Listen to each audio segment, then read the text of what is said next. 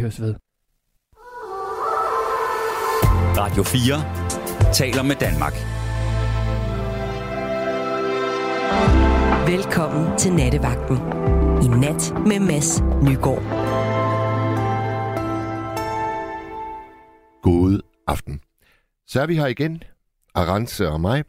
Jeg hedder Mads, og jeg glæder mig til de næste to timer, hvor vi er direkte på her på Radio 4. I nat der vil vi zoome ind på medierne. Det gør vi med afsæt i to øh, tragedier, der har fundet sted inden for den seneste tid. Det var sådan, at øh, 15. juni, der kendrede et fiskeskib på Middelhavet. Anslået 700 var ombord, og langt, langt de fleste er omkommet. Herunder 100 børn. Det fyldte noget i medierne i cirka et døgns tid, og så var det ligesom et overstået kapitel rent mediemæssigt. Tre dage senere, så hører vi, at øh, ubåden Titan, der havde fem mennesker ombord, er forsvundet under et dyk ned til skibsvraget af Titanic, der sank i 1912. De fem mænd ombord, de havde betalt, øh, tror det var 1,3 millioner kroner per snude for at komme ombord på den her lille ubåd. Og her skal jeg ellers love for, at medierne så kom til åstedet og berettede nærmest hvert ene sekund, lige indtil at man fandt vagrester fra ubåden, og man måtte konstatere, at ubåden sandsynligvis eksploderede, imploderede, eller hvad man nu kalder det, ganske kort tid efter, at dem på overfladen mistede kontakten med ubåden. Men i alle de timer, i de døgn, der gik fra at man mistede kontakten til at man fandt vragrester, ja, der blev det dækket uafbrudt. Der var øh, nationer, der sendte specialstyrker afsted med ekstra avanceret teknologisk udstyr, der kunne bruges i redningsaktionen. Og øh, aviserne, de lavede nedtællinger, fordi at man kunne anslå cirka, hvor meget ilt de havde til fælles brug nede i ubåden. Så der var rubrikker, der lød, nu er der kun 10 timers ild tilbage, nu er der kun 5 timers ild tilbage, og så videre, og så videre. Arance, du er nu med mig i studiet. Ja.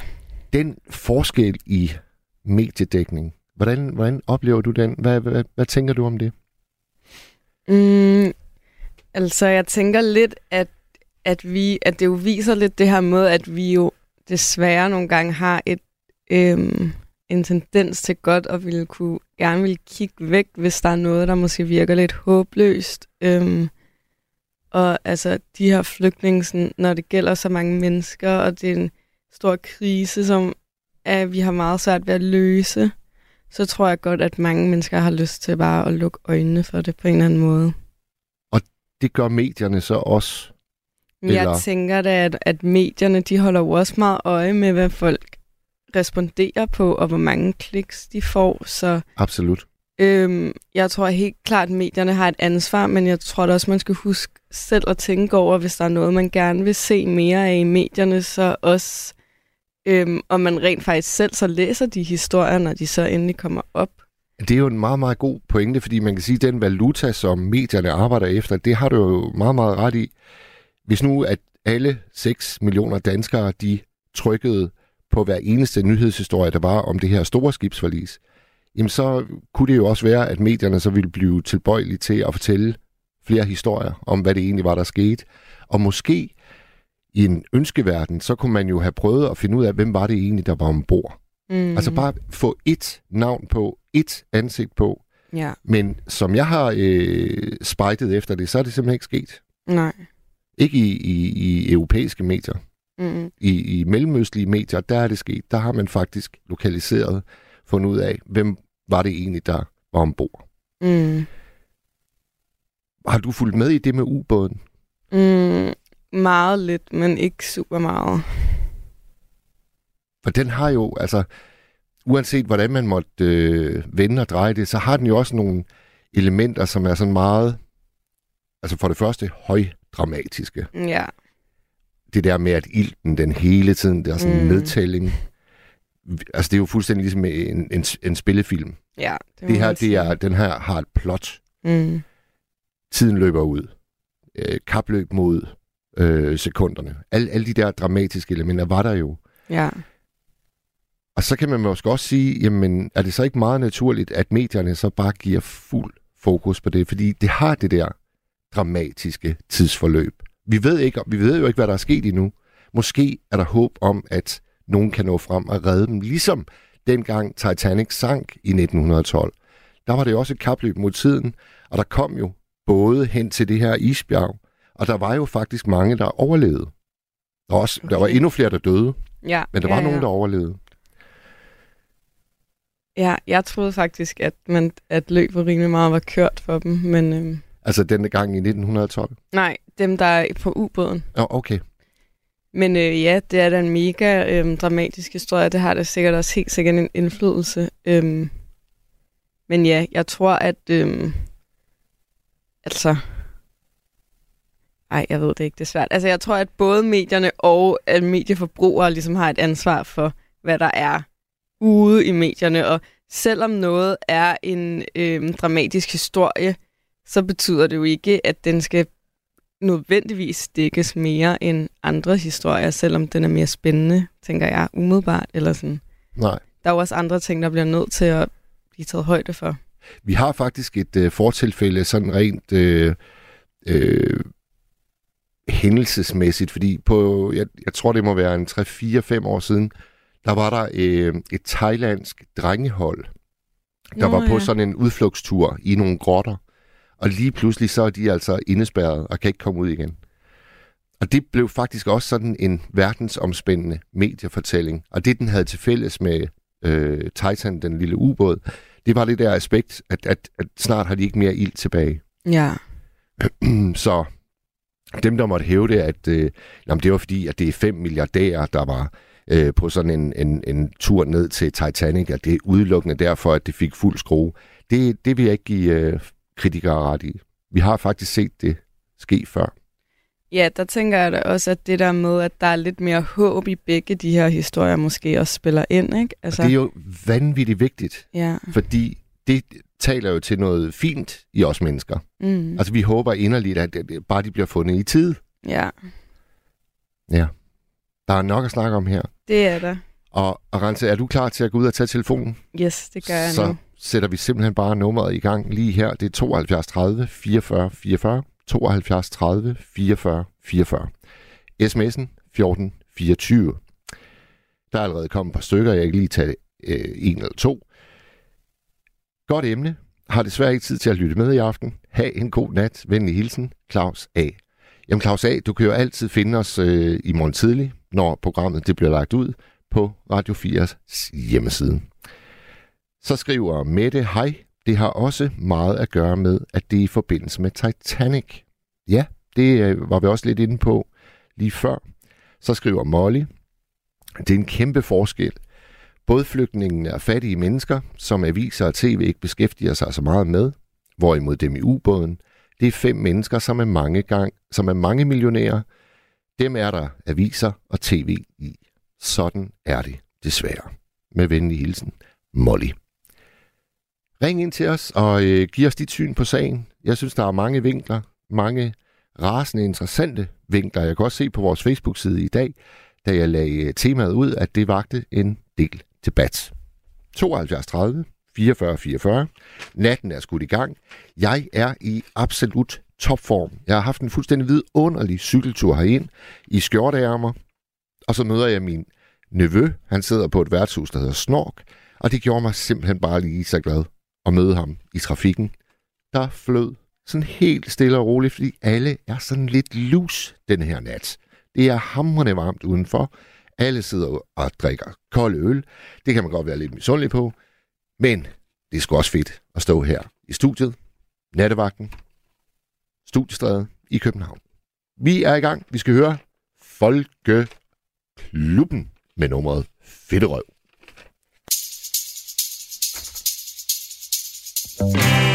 Du var hurtig til at tage. Når der var fire øl på bordet Og fem der skulle have. Når taxaregningen blev høj. Var det eneste spor efter dig Et aftryk af din fedtede røg. Fedre Fedre Du har hus og friværdi. Du går i byen med 11 kroner. Kommer hjem med 10 En hjemløs spørg efter de 10 Du griner kun hårdt forbi Fedt rød Fedt rød Hver fjerde år går du til valg. Du kigger så langt til højre At du knap kan se.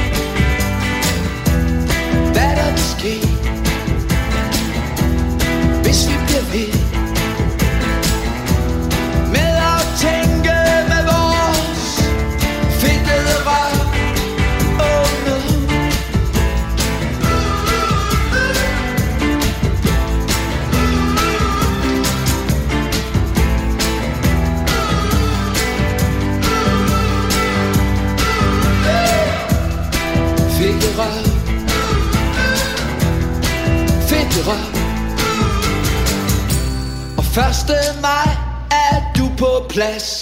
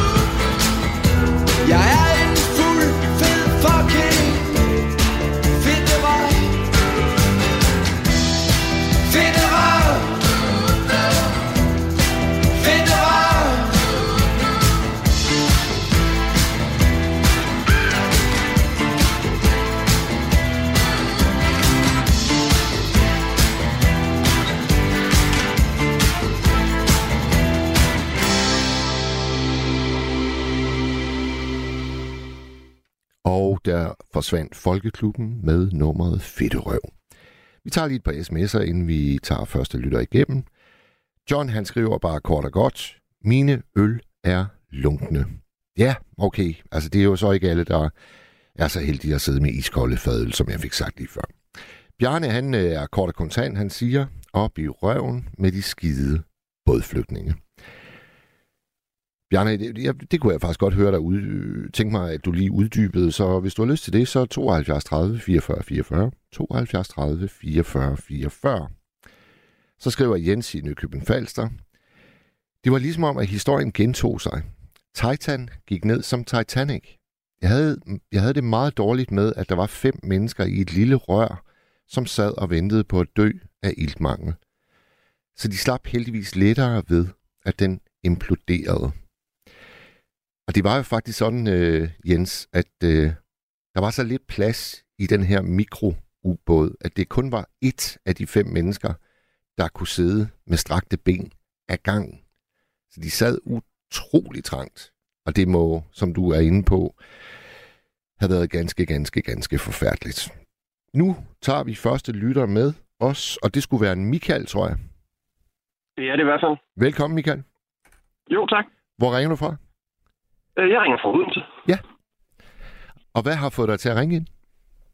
Jamen, det er jo egentlig, øh, jeg læste dit opslag tidligere øh, omkring det, øh, og jeg, jeg synes jo, det er, jeg synes jo, det er helt fair, at nyhederne hjælper os med at prioritere i, hvad, øh, hvad de mener, der er aktuelt. Øh, det er vel også lidt af det, vi betaler dem for, tænker jeg. Ja. Øh, og, man, og man kan sige, jamen det her med bådflygtninge, det er jo frygteligt, synes jeg. Men, men vi kan jo ikke høre om det hver dag, og det sker jo hver dag. Øh, det, det er lidt ligesom med, med borgerkrig. I, øh, altså der er øh, hvis du spørger krig nogle steder, øh, så er der mange, der vil sige øh, ja i Ukraine. Men, men, men, men der er jo konstant borgerkrig rundt omkring i Afrika, for eksempel. Ja. Det hører vi jo heller, nærmest heller aldrig om, fordi det er noget, der sker hele tiden. Det er en konstant. Øh, så jeg synes, det, det, det er fair, at når der sker et eller andet, som er nyt og anderledes, eller hvad man skal sige, noget, der ikke sker hver dag, at, at det så bliver prioriteret. Så kan vi selvfølgelig diskutere mængden af Ja, det. ja. Øh, og om vi ikke engang mellem skulle høre noget mere om noget af det andet. Øh, øh, jeg- vil godt diskutere proportioner, men, men, men jeg synes, det er helt fair, at det får tid, øh, øh, og også mere tid end det andet, når der sker noget i den stil. Og hvad tænker du med det aspekt, som øh, Rense og mig var inde på, nemlig det der med, at vi har en nedtælling. Altså vi har, øh, det, er, det er jo sådan en klassisk dramaturgi. Der er rigtig, rigtig mange spillefilm, der er bygget op over præcis det element. Ja, ja. Tror du ikke, det, tror ikke, det, tror ikke, det spiller en rolle for, for mængden? Selvfølgelig. Selvfølgelig gør det det. Selvfølgelig gør det det. Altså, det er jo, det er jo, øh, det er jo hver nyhedsstations, øh, havde jeg nær sagt, øh, drømmescenarie, når sådan noget sker. Altså, uden at, at det er fordi, jeg siger, at de sidder og, og, og nyder, at folk dør. Men, men, men det er jo et drømmescenarie for dem, fordi det er en måde at fastholde øh, seerne ved, ved, ved skærmen, ikke? Jo. Øh, og, og vi vil alle sammen gerne følge med og høre, hvad sker der. Øh, nogle mere end andre. Øh, Så, så jo, det, det, selvfølgelig har det en betydning. Det er jeg slet ikke i tvivl om. Altså, øh, jeg kan da tydeligt huske dengang med, øh, hvad hed den, 24 timer øh, serien der. Der kom i flere sæsoner, ikke? Øh, lige med, præcis, Med, lige præcis. med Sutherland der, hvor man kunne sådan hele tiden følge, hvordan tiden gik ned. At, at nu var der gået en time mere, ikke? Jo. Øh, og, og det var man jo totalt bidt af, eller det var jeg i hvert fald, øh, som, som øh, ja, barn og ung, øh, da den kørte. Jamen, der, der, der, der snakkede man nemlig også om, at det var sådan, øh, det, var, det var virkelig godt skruet sammen, ikke? Fordi det, det havde bare sådan et, nærmest sådan et urværksmæssigt håndværk over sig. 24 timer, nedtællingen er i gang. Bum. Genialt. Og simpelt. Fuldstændig. Og du fulgte jo alt, hvad der skete i et døgn. Altså, jeg tror, et afsnit varede sådan noget 45-50 minutter, ikke? Jo.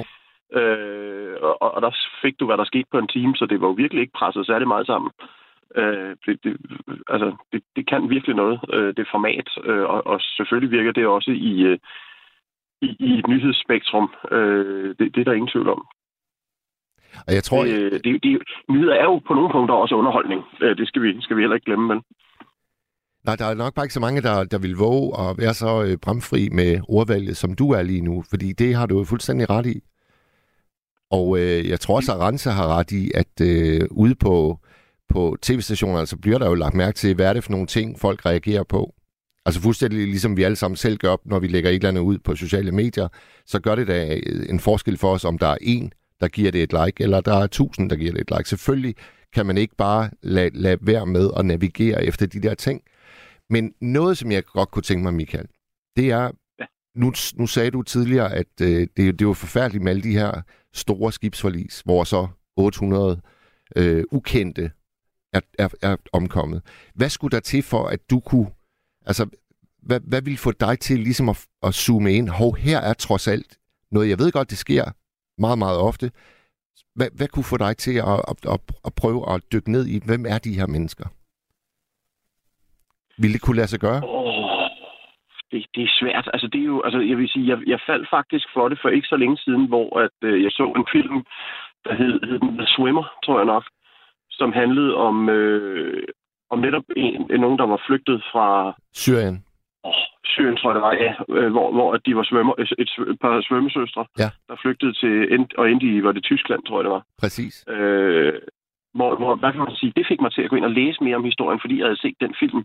Øh, det, men, men, men ellers så, så tror jeg, det, så, så er det svært, tror jeg, lige sådan umiddelbart at, at gå ind og sige, øh, altså, og, og interessere sig for menigmand øh, i, i, i så stort et, et, et virvar af mennesker.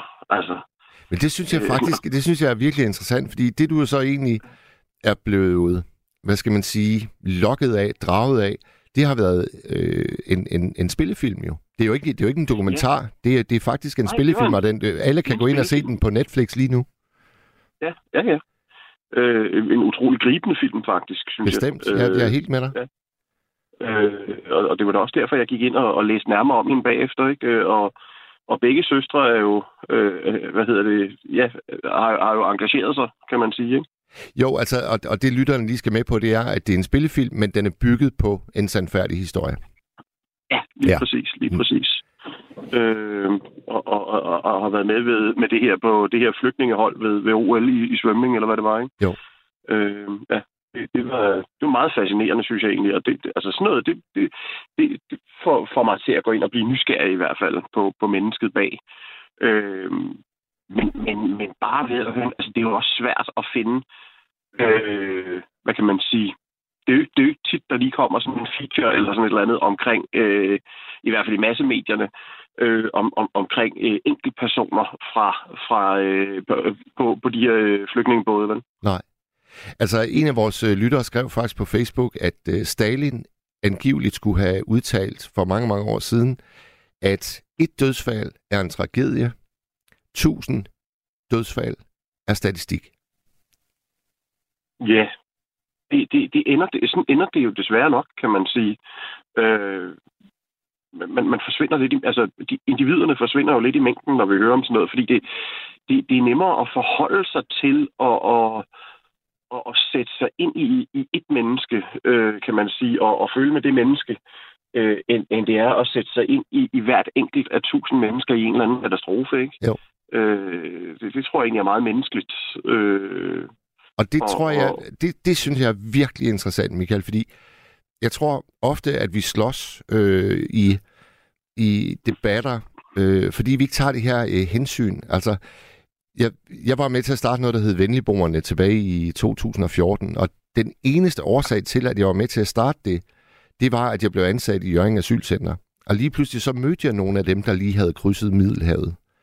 Og jeg vil gerne lige, jeg vil gerne lige bringe, hvis, hvis jeg må, Michael, bare lige bringe en øh, lille familie i spil, fordi det illustrerer meget Ja. godt, hvad det er for nogle ting, der, der jo står på spil. Der kommer en, øh, en far med en lille dreng, øh, og de er lige ankommet, og de har ikke, øh, de har ikke noget tøj. Og øh, det viser øh, faren ved at lige lukke øh, bukserne ud på den her lille dreng, og så kan jeg bare se, at han har ikke, øh, han har ikke nogen underbukser, han har ikke nogen blæ på. Og det jeg så finder ud af, det er, at øh, undervejs på Middelhavet, der kendrer den her families skib, og de havde altså også en mor og en mormor med. Og de omkom desværre, fordi faren, han, kunne ikke, han, kunne, han var den eneste af dem, der kunne svømme, og han måtte så koncentrere sig om den her lille dreng, de havde med. Og jeg fulgte dem så i, i den næste tid her i Jørgen Asylcenter, og drengen, han, øh, han løb ofte rundt på, på den store græsplæne, men faren, han, han gik bare hvileløst i sådan en, øh, en, en, en rund ring, og, og, og kunne ikke, altså han kunne bare ikke falde til ro. Og det gjorde, øh, det gjorde et kæmpestort indtryk øh, på mig, at, at møde sådan en mand, der lige havde oplevet det her, og så tanken på den her dreng, der nu skulle vokse op uden mor og mormor. At der øh, tænkte jeg, der- jeg vil sgu gerne prøve at gøre en indsats for, for, for alle dem, der, der nu er kommet til Jørgen. Og sådan startede det, øh, som du måske har hørt om, der, der hedder Venligbrugerne. Og jeg tror jo, jeg, hvis jeg lige må gøre det færdigt, Michael, undskyld. Jeg tror, at det er det, at man møder dem, det handler om, der gør en forskel. Helt sikkert. Uden tvivl. Altså, det er jo der, man mærker det. Altså, det, er jo det, der går ind og berører os for alvor, ikke? Øh, det andet, det bliver jo sådan en notits på side 5, havde jeg nær sagt, når der sker noget med, med, med, med store mængder af mennesker, ikke? Ja, det Øh, bliver, som Stalin han sagde, så bliver det på en eller anden måde bare statistik. Præcis. Lige præcis. Fordi det er så svært og uoverskueligt at forholde sig til. Men det andet, det er jo, det er jo et menneske, vi kan forholde os til. Øh, nogen, vi kan føle med og, og for, øh, og, og gøre noget for. Øh, så så det, det, det, det kan jeg sagtens føle. Det, det, øh, det tror jeg er... Ja, det, det er vel i virkeligheden bare enormt menneskeligt, kan man sige, ikke? Hvad, hvad laver Ja, du det er egentlig? Hvad laver du til daglig, Michael?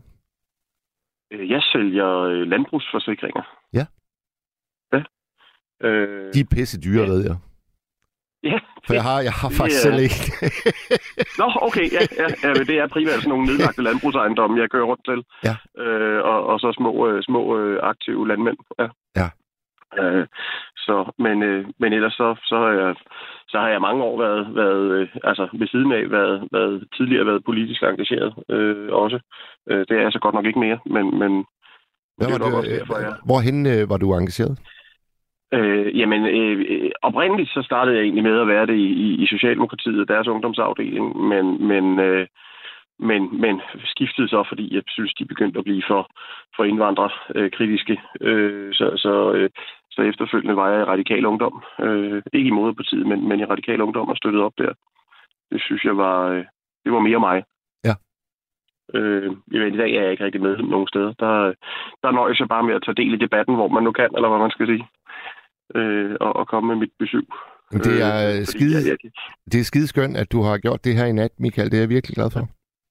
Ja, jamen jeg kan ikke, øh, altså, når, når det er noget, man, man, man kan mærke, synes jeg, så, så synes jeg, det er vigtigt at, at, at, at komme med sin holdning, ikke? Øh, så er der masser af andre emner, hvor der nøjes jeg med at lytte, men øh, jeg synes, det er vigtigt at ringe ind, når, når man har noget, øh, man godt lige vil være af med, eller hvad man skal sige. Ja. Ja. Skønt. Michael, tak fordi du ringede ind. Ja, selv tak. Ja, der, vi har virkelig mange på, øh, på listen i aften, så, øh, så det er derfor, jeg, jeg er ret hurtigt at farvel til dig. Jamen, det er helt fint. Jeg, jeg ville også til at sige, at jeg havde egentlig ikke så meget andet at bidrage med, så jeg vil også slutte af. Så det er helt perfekt. Men I må have en god nat, ikke? Jo, i lige måde du. Hej. Jo, tak. Hej. Jeg tager et par sms'er. Sonja Hvidtjørn, hun skriver, Hej Mads, vi kan ikke redde hele verden. De må stoppe et sted, og der må være en grænse.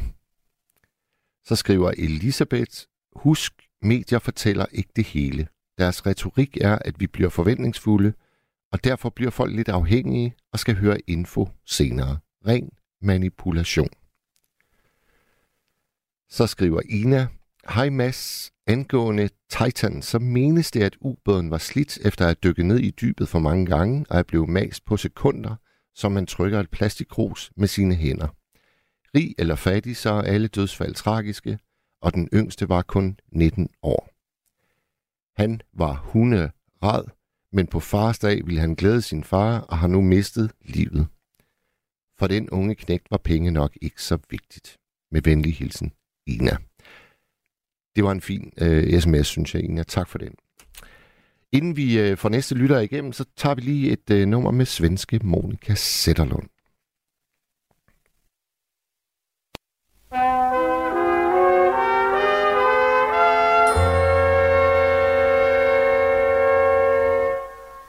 When the only sound in the empty street is the heavy sound of the heavy feet that belongs to a lonesome cop, I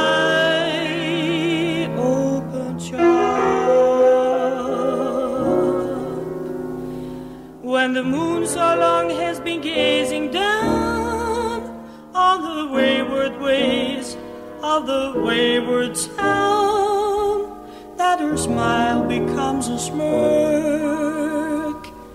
I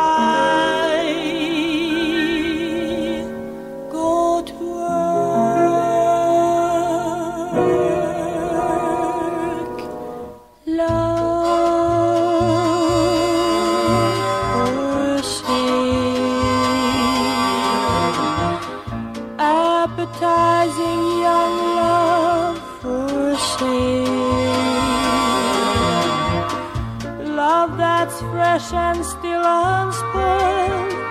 Love that's only slightly soiled. Love for sale.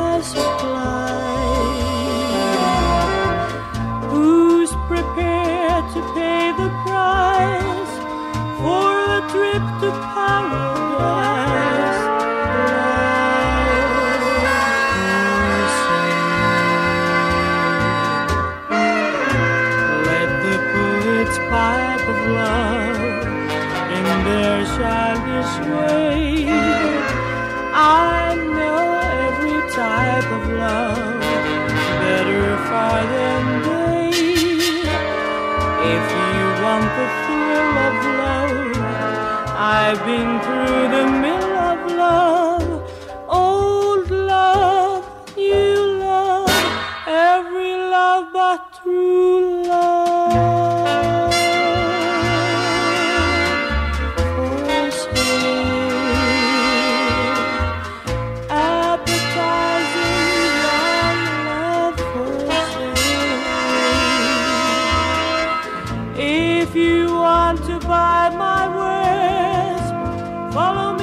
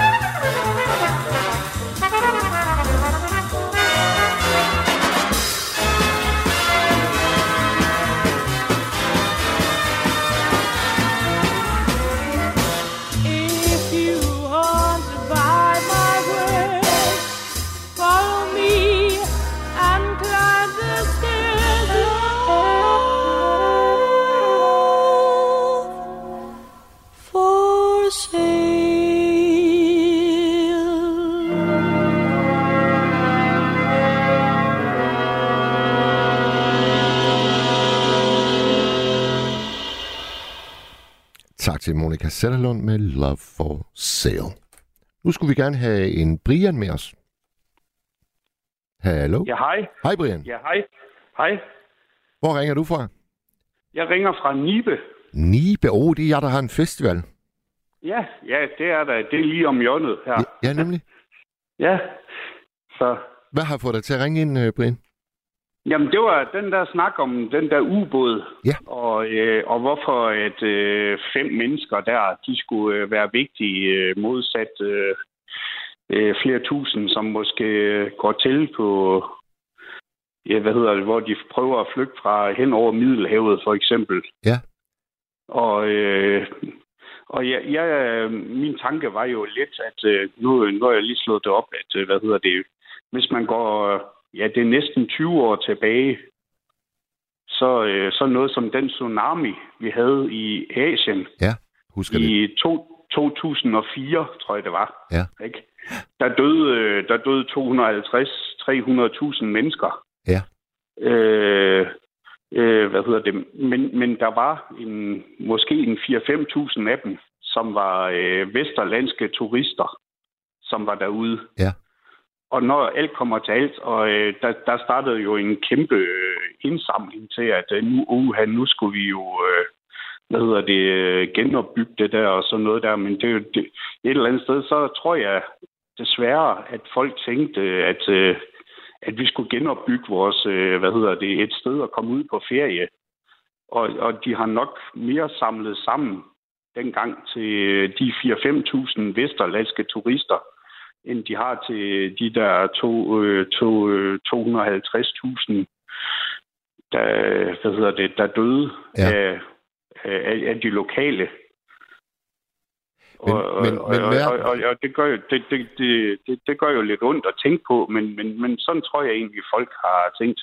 Ja. Det, det, er bare tættere, det er bare tættere på nu, når det er at nogen, man kender, eller hvad det har været. Altså, Men det er vel ikke, fordi vi kender dem? Altså, det er fordi, at vi... vi mere, ligner, mere, mere vi, forbinder, forbinder os med dem. Ja, det er jo det. Ja, altså, altså ligner hinanden sådan helt øh, konkret fysisk. Samme hudfarve. Er, er, er det sådan noget, du tænker? Nej, ikke, øh, måske ikke nødvendigvis, men, øh, men jo lidt. Altså, hvad hedder det, at, at de, de er kommet herfra, og åh, det er forfærdeligt, og der er også, øh, der er også nogle, nogle af os, der er døde der i det. Og sådan noget. Altså, nu tænker jeg på det der fra, øh, hvad hedder det, øh, tsunamien der. Ja. Men, men altså, uha, det, det er forfærdeligt, at nu er det, nu er det nogle af os, der også er døde i det der, og øh, uha, nu, nu kommer det tæt på, og, og så, øh, så begynder folk at, at gøre noget. Hvor, Okay. hvor det der, øh, der folk, der dør øh, på, øh, på Middelhavet i, øh, i både for at forsøge at flygte hertil, det, det, er mere, det er mere de andre. Det, altså, det, det, er no, og det er nogen, vi ikke rigtig kan sætte hverken navn eller ansigt øh, på. Ja, ja, altså det er sådan noget. Altså det er jo, det, det er jo ikke fordi, at folk er øh, som sådan er, hvad ved jeg, øh, uh, ja, Jamen, det- umenneskelige eller sådan noget der. Men det, det er bare sådan, at det, det hvad hedder det, at det er herre og fru Jensen, der, der, der tog på charterferie, Ja. og, som, og, som, og som ikke kom hjem. Dem kender jeg bedre end, øh, end Mohammed, der forsøgte at komme herop. Ja. Hvis man kan sige det sådan. Ikke? Og der sker, jo, der sker jo også det, og det, kan jeg jo huske fra de dage, øh, Brian, at øh, skuespilleren Kurt Ravn, altså Røde fra Matador, Ja, ja, han havde, øh, som jeg husker det, jeg kan ikke huske, om han selv var en af dem, som bølgerne skyllede ind over, men i hvert fald hans, hans daværende kone, okay. hun var ja. en af dem, der, måtte, øh, der, der simpelthen måtte svømme sig til, øh, til overlevelse. Ja, Øhm. Ja. Og, og det er jo klart, at så, øh, så, så, så det er noget andet, end at, at på én gang få at vide, at nu er der et skib med 800 flygtninge, som vi ikke kender, som Ja. er, er, er, er kendret. Ja, og så får, får man sådan en historie, ikke? Og ja, og ja, Kurt Ravn kan vi alle sammen lige sætte, sætte ansigt på. Ja, ja, og så kommer han jo, så Og kommer han jo lige så snart og han så, kom til... Så, og så, og så, er det, så er det hans familie og, og, og nære, ikke? Altså, så lige pludselig, så bliver det, så bliver det tæt på os. Ja. Altså, det, det er mere det, jeg tænker. Og så, ja, og det er nok derfor, at, øh, at det, der med, at øh, ja, øh, fem, fem mennesker kan godt komme meget frem i medierne, fordi at det er jamen, jamen et eller andet sted på, tæt på. Fulgte du, fulgte du meget med i, øh, i Titans øh, udvikling her? Øh? Nej, altså, jeg, jeg så det der med, at, jeg, at, at de der øh, fem-seks stykker, der, der, var, der var vist en, der ikke ville med. Øh, var det ikke sådan, øh, sådan? Sådan har jeg hørt det i hvert fald. At en, der sagde, at øh, han, havde, han, han havde egentlig købt en billet til at være med, men ikke ville være med Ja. alligevel, eller sådan noget der. Sådan, sådan. Men jeg ved, jeg ved ikke, om det passer, eller det er bare en historie, jeg har fået her bagefter. Det kan sagtens være. Nej, nej, altså, hvad hedder det? Jeg har, hvad hedder det? Jeg har bare, jeg har bare set det nu, når det, det kom i, det stod på øh, forskellige, øh, hvad hedder det, ting på ekstrabladet og, og så videre. At du, nu, nu er der et eller andet, der går, der går galt der. Må jeg ikke høre, må jeg ikke høre Brian, hvad, de, dine medievaner, altså når du skal have din øh, nyhedssult dækket, hvor, hvor, hvor søger du viden hen? Jamen, jamen det, er jo, det, er jo på, det er jo på internettet, og, og, så, øh, og så lidt øh, news på, øh, hvad hedder det, På TV2? TV2 og, og, og, og så videre. Altså, jeg ved, hvad hedder det? Der får jeg det lidt fra. Ja. Men, men altså, ja. Det, øh, og, så, og så lidt, øh, ja selvfølgelig, øh, men, men det, er ikke, det er jo ikke de store historier, men, øh, men så også nogle lo- lokale medier og sådan noget der, som lige er... Hvad hedder, hvad, øh, hvad hedder den største avis, øh, I har op øh, i Nibe? Jamen, det er jo, det er jo, det er jo Nibe Avis, selvfølgelig. Og så er der, så, Okay. så, og så er der, så er der selvfølgelig nordjyske også. Altså, Ja. altså nordjyske, nordjyske medier. Og hvad, hvad læser du mest af de to? Nibe Avis eller Nordjyske? Ja, det, det, det er sådan lidt øh, begge dele. Sådan, hvad, hvad, der, hvad der lige sker. Ja. Sådan, det, det, det er, hvad jeg ser og læser på, på internettet via- dem. Så det, det er ikke sådan, jeg hørte, jeg hørte dig ikke øh, komme med en, en kritik af medierne. Altså du, du forstår Nej, faktisk nej, godt... nej, nej, nej, nej, det synes jeg egentlig ikke, fordi at, hvad hedder det, medierne, de, la- hvad hedder det, medierne laver jo egentlig, hvad folk dybest set gerne vil høre. Ja. Øh, og, det, og det kan jo så være en kritik, hvis, øh, hvis du vil tage det som en kritik. Øh, de, de, øh, hvad hedder det, de, øh, de, de spiller op til de kunder, de nu engang har. Ja. Og det, og det, er jo øh, blevet, øh, det er jo blevet meget, meget nemt at finde ud af, hvad folk reagerer på. Altså, det er jo så simpelt. Du skal bare... Præcis. Ja, ja, Ja. ja. præcis. Altså, det er, det, det er jo blevet lidt sådan noget, øh, hvad hedder det, øh, de store, de store øh, overskrifter øh, og, og clickbait på, på nettet og sådan noget, eller hvad man kan kalde det. Jeg ved, ikke, jeg ved ikke, om du kan huske det, øh, Brian, men der tilbage øh, ved Tsunamien, der øh, var Henrik Kvartrup, han var chefredaktør på Se og Hør, mm. og de bragte jo en meget, meget usædvanlig forside, der faktisk øh, var billeder fra stranden, hvor der så lå ja. Oppustede lig. Ja, Og den øh, forside, det var jo et, et totalt brud med det, som ellers er Se og Hørs øh, varemærke, hvor det er kendt, eller nu siger et eller andet i retning af, nu skal de giftes, og, eller... Det, kongen, og nu skal den, den og den kongelige giftes. Og, Og der, der Ja. begik han faktisk en, øh, en, en fejl i forhold til, hvad han troede, at befolkningen gerne ville øh, købe og være nysgerrig på, fordi det rejste et ramaskrig af farvelse. Der var ja. der Ja. faktisk et eksempel på, at en mediechef, han tog fuldstændig fejl af folkestemningen. Jeg husker det meget, meget tydeligt. ja, ja. Altså, men, øh, men, øh, men, men øh, det, det er jo grimme billeder, og, og ja, folk vil selvfølgelig gerne høre gode nyheder. Men øh, Jamen, det kan også Og- være, det, vil- det kan også være, Brian, vi er så langt tilbage, at dengang var, var, var det ikke nær så nemt at, at ligesom vide på forhånd, hvad, hvad, hvad, hvad vil vores læsere og lyttere og seere gerne have? Mm, ja, ja, måske. Men, øh, men, men, men han, har, han, har, han har tænkt, at, øh, at folk skal se, hvad der er virkeligheden. Og det her, det er, det er sådan, det er. Ja. Og øh, hvad hedder det? Ja, det er ikke pænt at se på. Men, men, øh, men det er sådan en katastrofe ser ud. Kan du huske, kan du huske Brian, at øh, for, ja nu tør jeg ikke sige, hvor mange år siden det er, men der var den her lille dreng, der også skyllede i land efter Åh, et, ja. et skibsforlis. Åh, oh, ja, ja. Og han, han Ja. blev en verdenshistorie. Altså dagen ja. efter, der kan jeg huske, at den daværende engelske øh, premierminister, øh, James Cameron, eller hvad hedder nej, David Cameron. David Cameron. Ja, ja, ja, ja, der indkaldte han samtlige øh, kolleger, altså på allerøverste niveau, til et krisemøde. Og, og det er jo ret tankevækkende, fordi øh, det, var, det her barn, der skyllede i land, det var, det var jo ikke første gang, at det var sket. Men der var bare Nej, nej. et eller andet med, at der blev delt et billede af, hvordan det så ud, ja. det her Men, barneliv. men så, jamen, det, det, det, sådan noget, så kommer sandheden lige pludselig frem. og det, og, Øh, og det bliver hedder måske... Altså, der, der, der, der, har været, øh, der har været 100 ligesom ham, der skyllede i land før det. Tusind. Øh, og, og, og, det, ja, ja, tusind måske, ikke, øh, desværre. Og, og lige pludselig, så, øh, så får folk øh, bare sandheden at se, og, og den gør ondt. Det gør den da. Men der, tror der er du- ingen, der tror du- ønsker at se... Øh, Tror du, Brian, at det gør et stærkere indtryk, tror du, det skaber større effekt, at det kun er ét barnelig, og der kan komme ét navn på, og lige pludselig så, så taler alle om det her ene barn. Hvis nu vi forestiller os, at der måske ja. Lå hal- 50 børn i vandkanten, vil det, ja. vil det så være nemmere at, at, at, at ligesom lægge bag sig? Er det fordi, det er ét eneste barn, at vi på en eller anden måde bare reagerer så voldsomt, som man gjorde dengang? Ja, det er jo et interessant spørgsmål. Fordi, ja, et barn.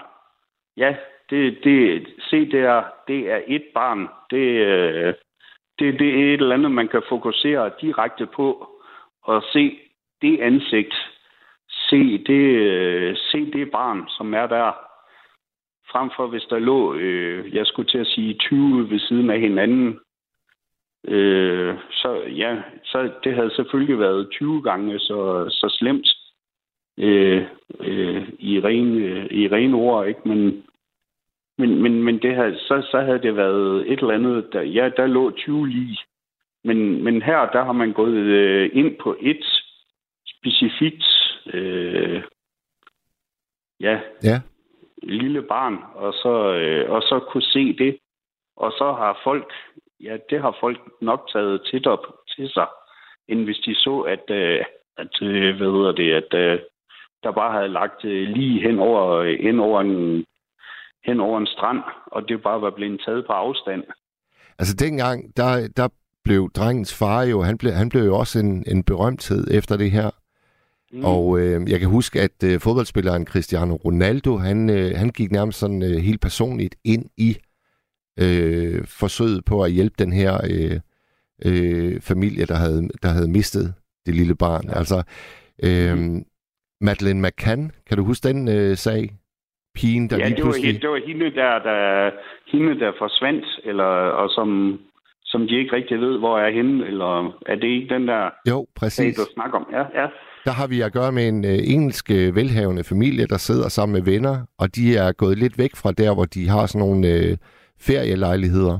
Og da, øh, de, de har lavet sådan en vagtordning, de her forskellige øh, forældre, og øh, jeg tror, det er sådan med 40 minutters mellemrum, så er der en af dem, der skal gå tilbage og kigge. Og da det så er morens tur til at gå tilbage, så ligger kun det ene af de to øh, børn, de havde med på ferien i sengen og sover sødt. Og Madeleine ja. McCann, som hun hed, hun er, hun er forsvundet Mm. hun blev jo også ligesom på en eller anden måde øh, et billede på alle børn, der forsvinder. Fordi det, det, ligesom der er flygtninge, der drukner hver eneste dag, så er der jo desværre også børn, der bliver væk hver eneste dag. Ja, Men, men, men så er der bare nogle gange, så er der nogen, de bliver sådan helt øh, altså udslukkelige. Øh, forstået på den måde, at medierne bare bliver ved. Altså, der kommer jo hele tiden nye historier her, mange, mange, mange år efter, om Madeleine McCann. Den historie, den nægter bare at lægge sig. ja, ja, ja, og nu, hvad hedder det, ja, der gør, øh, ja, så sent som, ja, det er ikke, det er ikke mange uger siden, jeg så, øh, hvad hedder det, ja, nu havde de nyt om, om hvor hun sikkert var, eller et eller andet. Det, øh, det, det, det bliver de ved med. Ja. Ved du hvad, øh, Brian, kan du øh, have en god øh, Nibe-festival? Jeg går ud fra, at du skal dertil. Det skal, det skal jeg så ikke, men øh, hvad hedder det? øh, Jeg tror, at alle, alle, dem, der skal, de får nok en god festival. Det, det betyder det ikke meget for jeres øh, lille by, når der er Nibe-festival? Altså, det må være sådan helt... Øh, der kommer vel... En, hvad kommer der? 20-25.000? Ja, sådan, ja, jeg ved ikke, men, men, men 10-15.000 gæster, og så øh, plus, øh, plus dem, der arbejder deroppe, så, så, man, så kommer man lidt hen af. Ja. Men, øh, men, øh, men, men det, er en rigtig, det er en rigtig stor fest heroppe omkring. Godt. Så. Så have en Ja. god fest, og selvom du ikke selv deltager. Selvom jeg ikke selv deltager. Ja. Det er i orden. Og også god, øh, god aften og god nat til jer. Tak for det, og du er altid velkommen til at ringe igen, øh, Brian. Du har aldrig ringet før, vel? Nej, det har jeg ikke. Skønt, Det var bare lige, øh, det var bare lige den her, der lige fangede mig. skønt. Yes. Skønt, skønt. Ja. Ha' det godt, Brian. Ja, Hej. lige måde. Hej. Hej. Og så iler vi faktisk med en øh, sangerinde, som øh, jeg har spillet før. Jeg elsker hende. Hun hedder Gine Marker.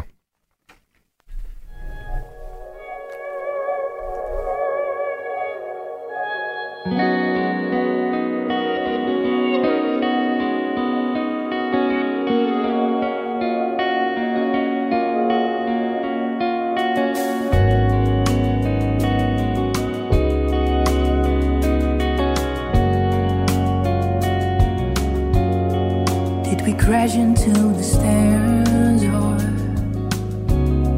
wake your neighbors when we came home? Late and drunk in love, so young and oh so golden. Did I practice broken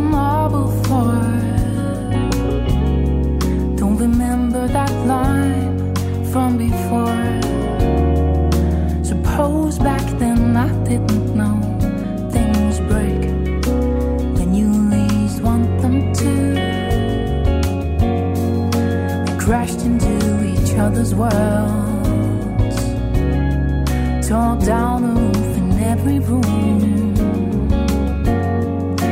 Crystal skies, velvet walls, water garden in pink summer songs.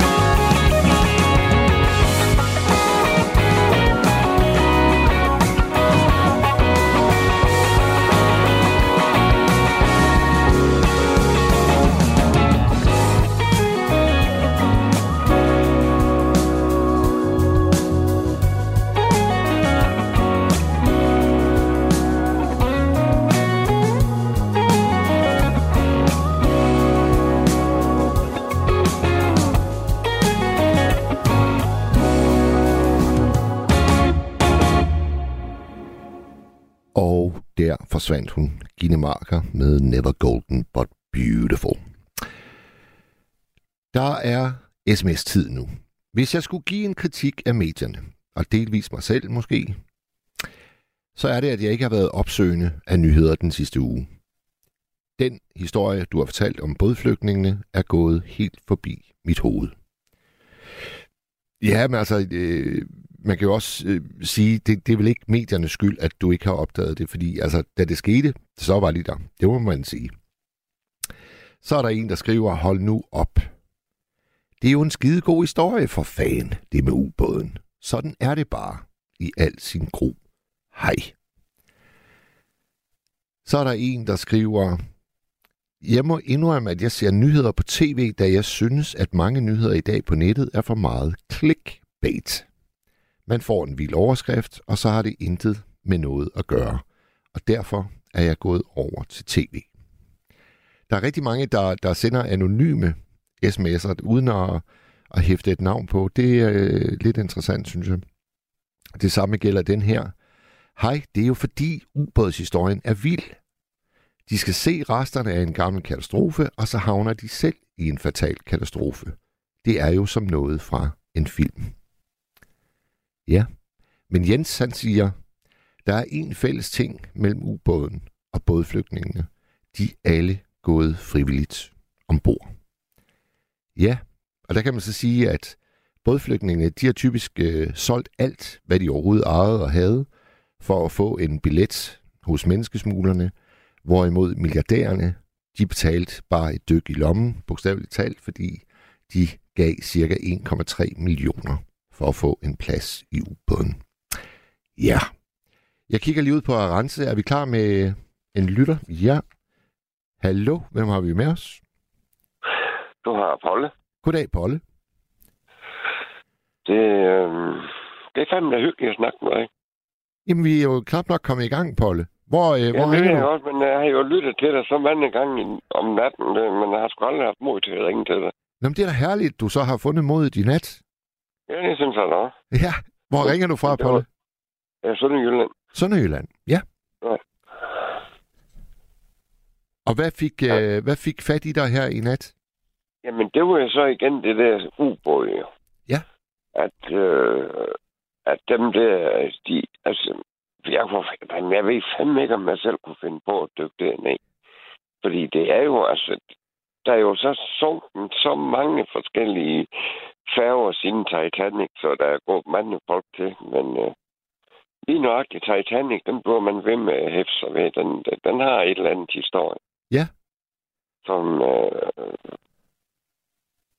ja, hvad fanden skal jeg sige? Øh, Jamen, jeg kan, jeg kan støtte dig lidt, fordi øh, den morgen, hvor det kom frem, at man havde fundet vragrester af ubåden, der hørte jeg hele Radio 4's morgenflade. Og øh, en stemme, der gik igen i alle tre timer, der mellem 6 og 9, det var faktisk øh, stemmen fra instruktøren af spillefilmen Titanic, som jeg tror nærmest hele verden har set.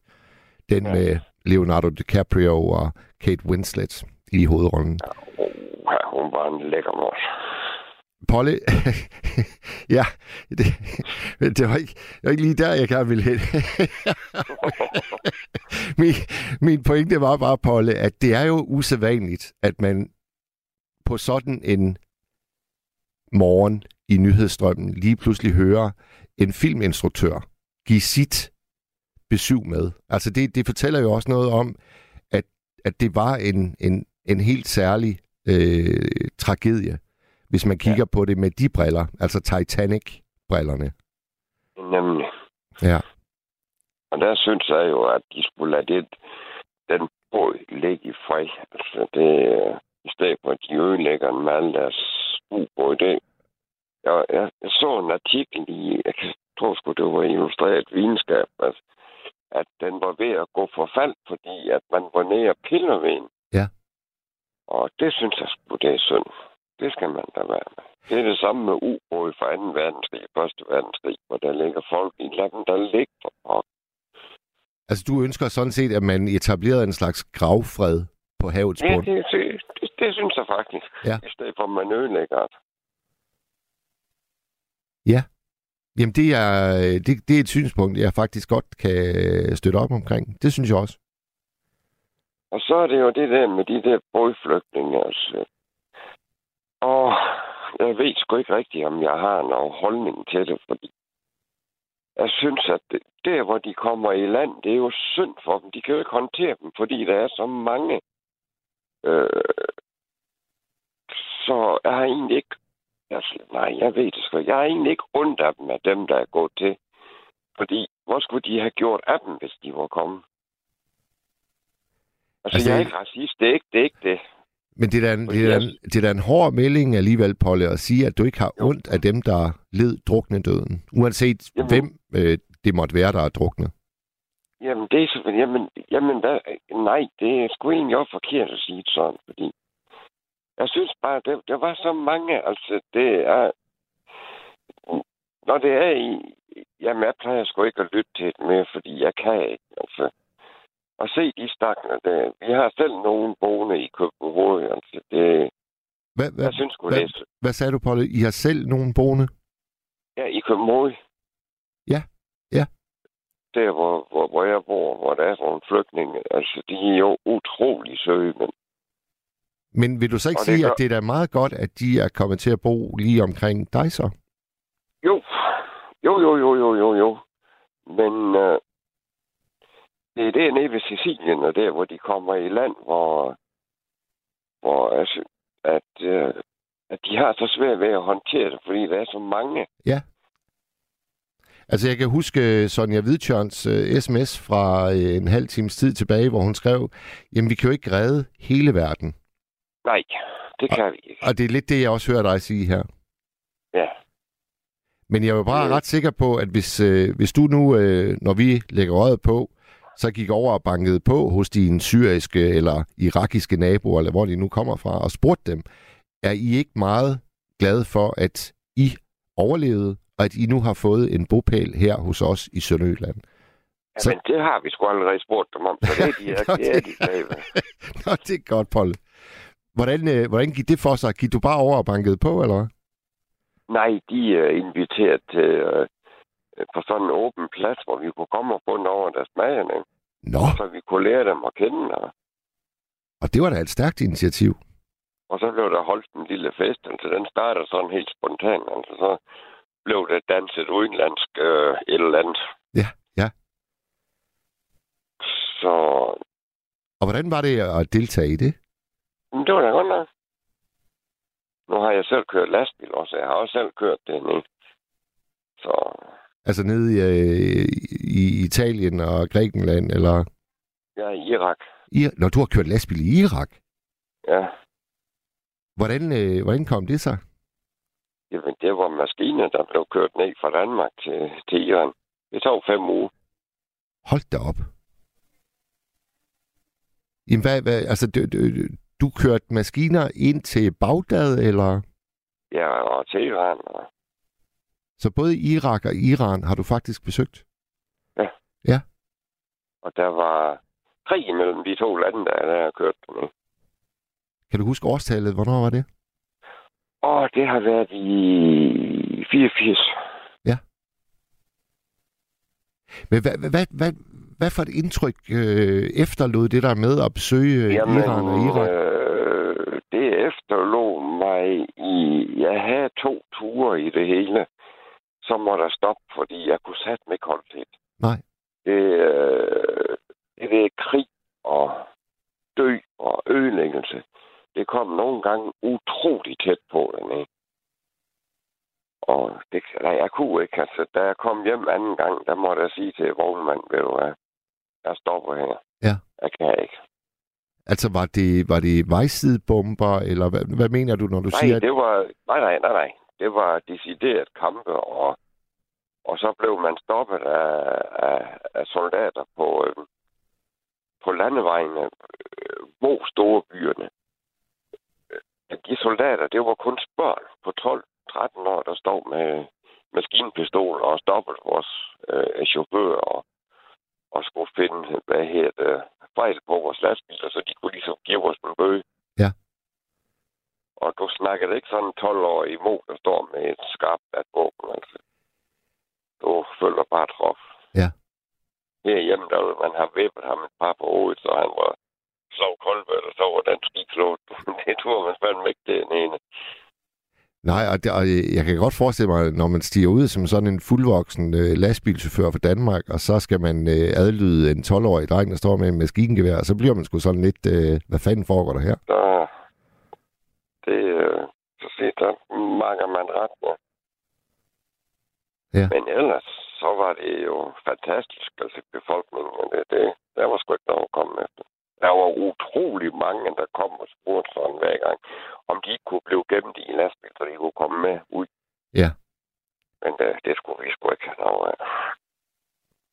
Men jeg hæfter mig jo ved, at du sagde, øh, Polle, at, at, at, at det var for voldsomt for dig at være der. Ja, det var Men, men giver, det, giver det dig så ikke også en, en vis forståelse for, at der er mange, der flygter fra de her steder? Jo, jo, jo, jo, jo, jo, jo, jo. Dengang, der var det jo, hvad her det, Khomeini, der var dernede. Ja, Ayatollah Khomeini. Ja, og så Saddam. Ja. Det var jo de to, der var og slås jo, eller deres soldater, jeg. Og, øh... Mm, ej, jeg vil, ikke- ej, jeg vil, nej, det vil jeg ikke fortælle om, så det, Hvad jeg vil skulle, ikke fortælle om. hvad skulle du til at sige, Polle? Jamen, jeg vil ikke fortælle om, hvad jeg så og det dernede, fordi at det, det, det, nej, det vil jeg ikke. Det er for voldsomt. Ja, Ja. fordi du kan lige mærke, nu kommer det hele op igen, selvom det er så mange år siden. Ja. Det, Det behøver vi heller ikke, øh, Polle. Det kan jeg sagtens forstå. Holdt du op med at køre lastbil, øh, efter du vendte ja. hjem? så blev, øh, blev jeg entreprenør, indtil jeg kom galt afsted med en gravmaskinsule. Nå for søren. Og så blev jeg førtidspensionist. Hvordan kommer man galt afsted med en gravemaskine? Så jeg håber ikke, at der lytter, de bliver sure, hvis jeg skal til at fortælle dig det. Og, fordi jeg tror, jeg har fortalt det så mange gange, at jeg tror endda, der er kommet MSN ind til at ja, nu vi ikke at høre det mere. Nå, jeg har altså aldrig hørt øh, din fortælling om det. Nej, men jeg har jo heller aldrig snakket med dig. Nej, nej, nej, nej. Nå, ved du Polly, så, Det- så lad, os bare, lad os bare lade den øh, gravmaskine-ulykke øh, ligge. Og så vil, jeg gerne lige, øh, så vil jeg gerne lige vende tilbage til øh, det, som, som vi startede med at snakke om, øh, nemlig altså medierne. Synes du, synes du medierne har øh, fordelt øh, sendefladen ligeligt og, øh, og, og korrekt i de her to øh, skibskatastrofer, der sker med få dages mellemrum? Åh, den er sgu, den, øh... Ja, jeg vil jo nok sige, de har jo nok lagt mere over på ubåden, end de har over på flygtning. Ja, det, det, det er indiskutabelt. Altså, det er seks dage kontra en dag. Der, der kunne de godt have dækket lidt mere på flygtning, fordi de der rige banditter der, jamen, de, de har jo råd til det. Og de kunne jo bare have lavet være med at sætte sig ned i sådan en sardindåse. Ja, det er et godt billede. Det, var- det var en sardindåse. Ja, Ja. så den har i hvert fald ikke øh, været testet, øh, inden de dykkede ned i den dybde der. Nej, og det var, det var jo faktisk det, som øh, instruktøren af filmen Titanic, han var ude at sige, at han synes, at øh, der var simpelthen ikke øh, styr på sikkerheden overhovedet. Nemlig. Ja. Så det må have været frygteligt at sætte dernede og pludselig høre, så nu sker der noget. Ja. Og så er den lige kollapset. Tror du, øh, tror du Polle, at øh, når der er gået nogle år, så kommer der en, en ny øh, spillefilm, og så handler den faktisk om de her fem, der sidder i den her øh, sardindåse? Lige, lige nøjagtigt, ja. Det skal det nok gøre. Det Og- skal du. Og så opstår der fornyet, i og så opstår der fornyet interesse om Titanic, og så starter et nyt turistselskab med at lave ubåds øh, turistture ned på bunden ja. af havet. Og så ligger de endnu mere lort dernede og ødelægger endnu mere, og nej. Vi skal sgu have, øh, Polly, vi skal sgu have skabt det der øh, gravfred øh, ja. Ja. på havets bund. Det synes, jeg, det, det synes jeg faktisk var. Og så er det uanset, om det er tysker, japaner eller hvad det er. Ja. De er døde, så de skal have lov til at ligge i fred. Jamen, øh, Polly, lad os, øh, lad os slutte der, og så sige, at det er, det er vi fuldstændig enige om. Ja. Og så Nu er håber jeg, nu håber jeg, du har fået, øh, nu håber jeg, du har fået mod til at, at ringe en anden god gang. Ja, men det vil jeg da gerne snakke med dig. Jeg vil også gerne snakke med Rense. Ja, jamen, det er godt. Hun smiler. Hun har da sådan en rigtig lille fræk stemme. Nå, ja, nu, rolig nu, Polle. Så, Ja, ja, ja, ja, ja, ja, ja. kan, du, øh, kan du have det godt, når, øh, eller Slurvold, kan du sove godt, når du når dertil? Og, øh, Ja, ja, nu skal du ikke blive forvirret, gammel mand. Ja. ej, men jeg bliver altid lidt forvirret, når, når man er så bramfri, som, som du helt tydeligt er, Polle. Ja, men jeg kan godt lide at være lidt fræk. Ja, ja. Det er godt, du. Og øh, Jeg er aldrig ubehøvet kunstfræk. det er godt. Ha' det godt, Polle. Hej. Ja, lige måde. Hej. Ja, så har vi en tur i øh, Sønderjylland. Nu har vi haft øh, tre mænd igennem. Er der slet ingen kvinder, der vil deltage her i en andens program? 72 30 44 44. 72 30 44 44. Vi taler om øh, den måde, som medierne har dækket de to tragedier, der har fundet sted her inden for de sidste dage. Nemlig øh, et flygtningeskib, der gik ned med alle. Øh, men vurderer, at der er 600-700, der savnes fortsat herunder 100 børn, der skulle have været ombord. Det var den ene. Og så har vi haft øh, ubåden, der forsøgte at komme ned til Titanic, hvor der var fem mennesker ombord. De to ting holdt op imod hinanden, har mediernes måde at dække det på været øh, balanceret, som du ser det, kære lytter. Det er nattens tema. Vi har stadigvæk øh, 50 minutter tilbage. Jeg tager lige nummeret en sidste gang. 72 30 44 44. Og husk, alle holdninger er velkomne. Nu skal vi høre øh, et af mine absolute yndlingsnumre. Læg mærke til teksten. Der er stor kærlighed. Det er Skulder ved Skulder med Annika Åkær.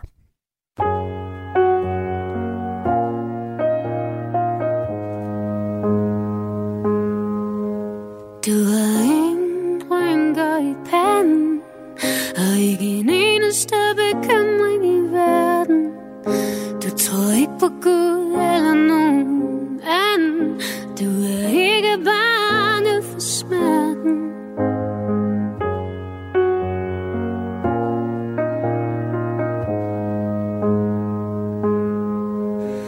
Og du får mig til at grine.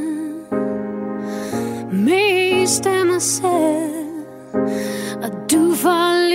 det til at ligne Noget vi godt kan klare alligevel Og hvis nogen skulle komme og påstå At du drikker for meget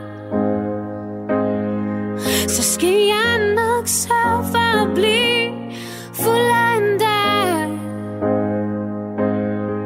og når nogen står og siger til dig,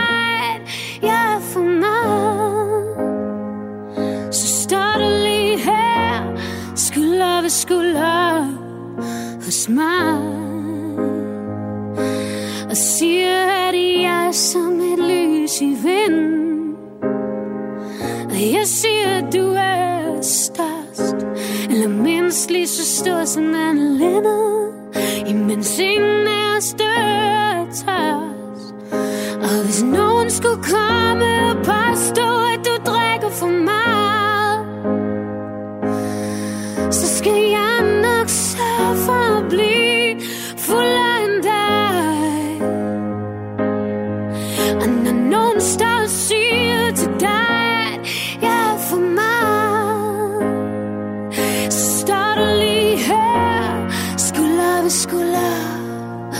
hos mig. Og nu gider jeg godt at blive over 60. Hvis du er stadig er her, på en bænk ved søen er glad tilpas. Vi drikker øl og ryger smager af. Og hvis du skulle dø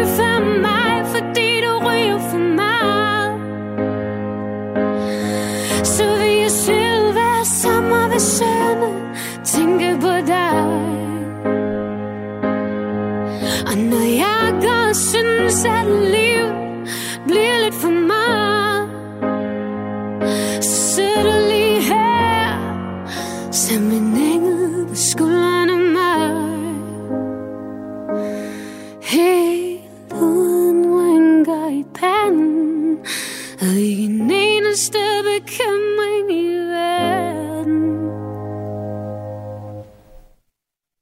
så god den her sang er altså.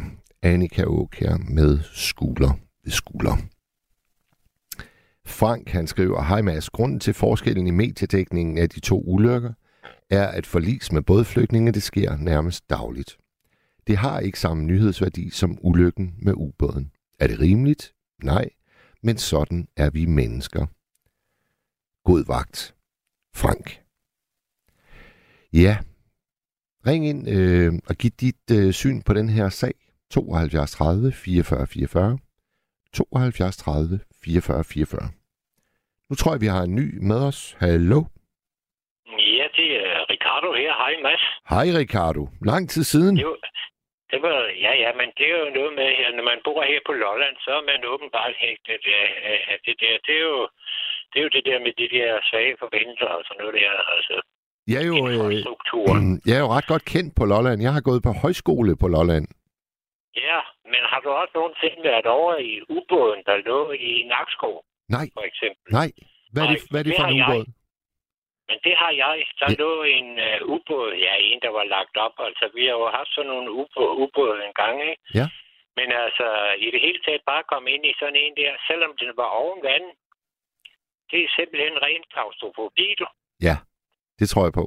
Og, og, og så kunne jeg forestille mig, at hvis man bliver stoppet fem ned i sådan en der, øh, så skal man godt nok være gode kammerater og have mange penge og have et, et, et mærkeligt drive.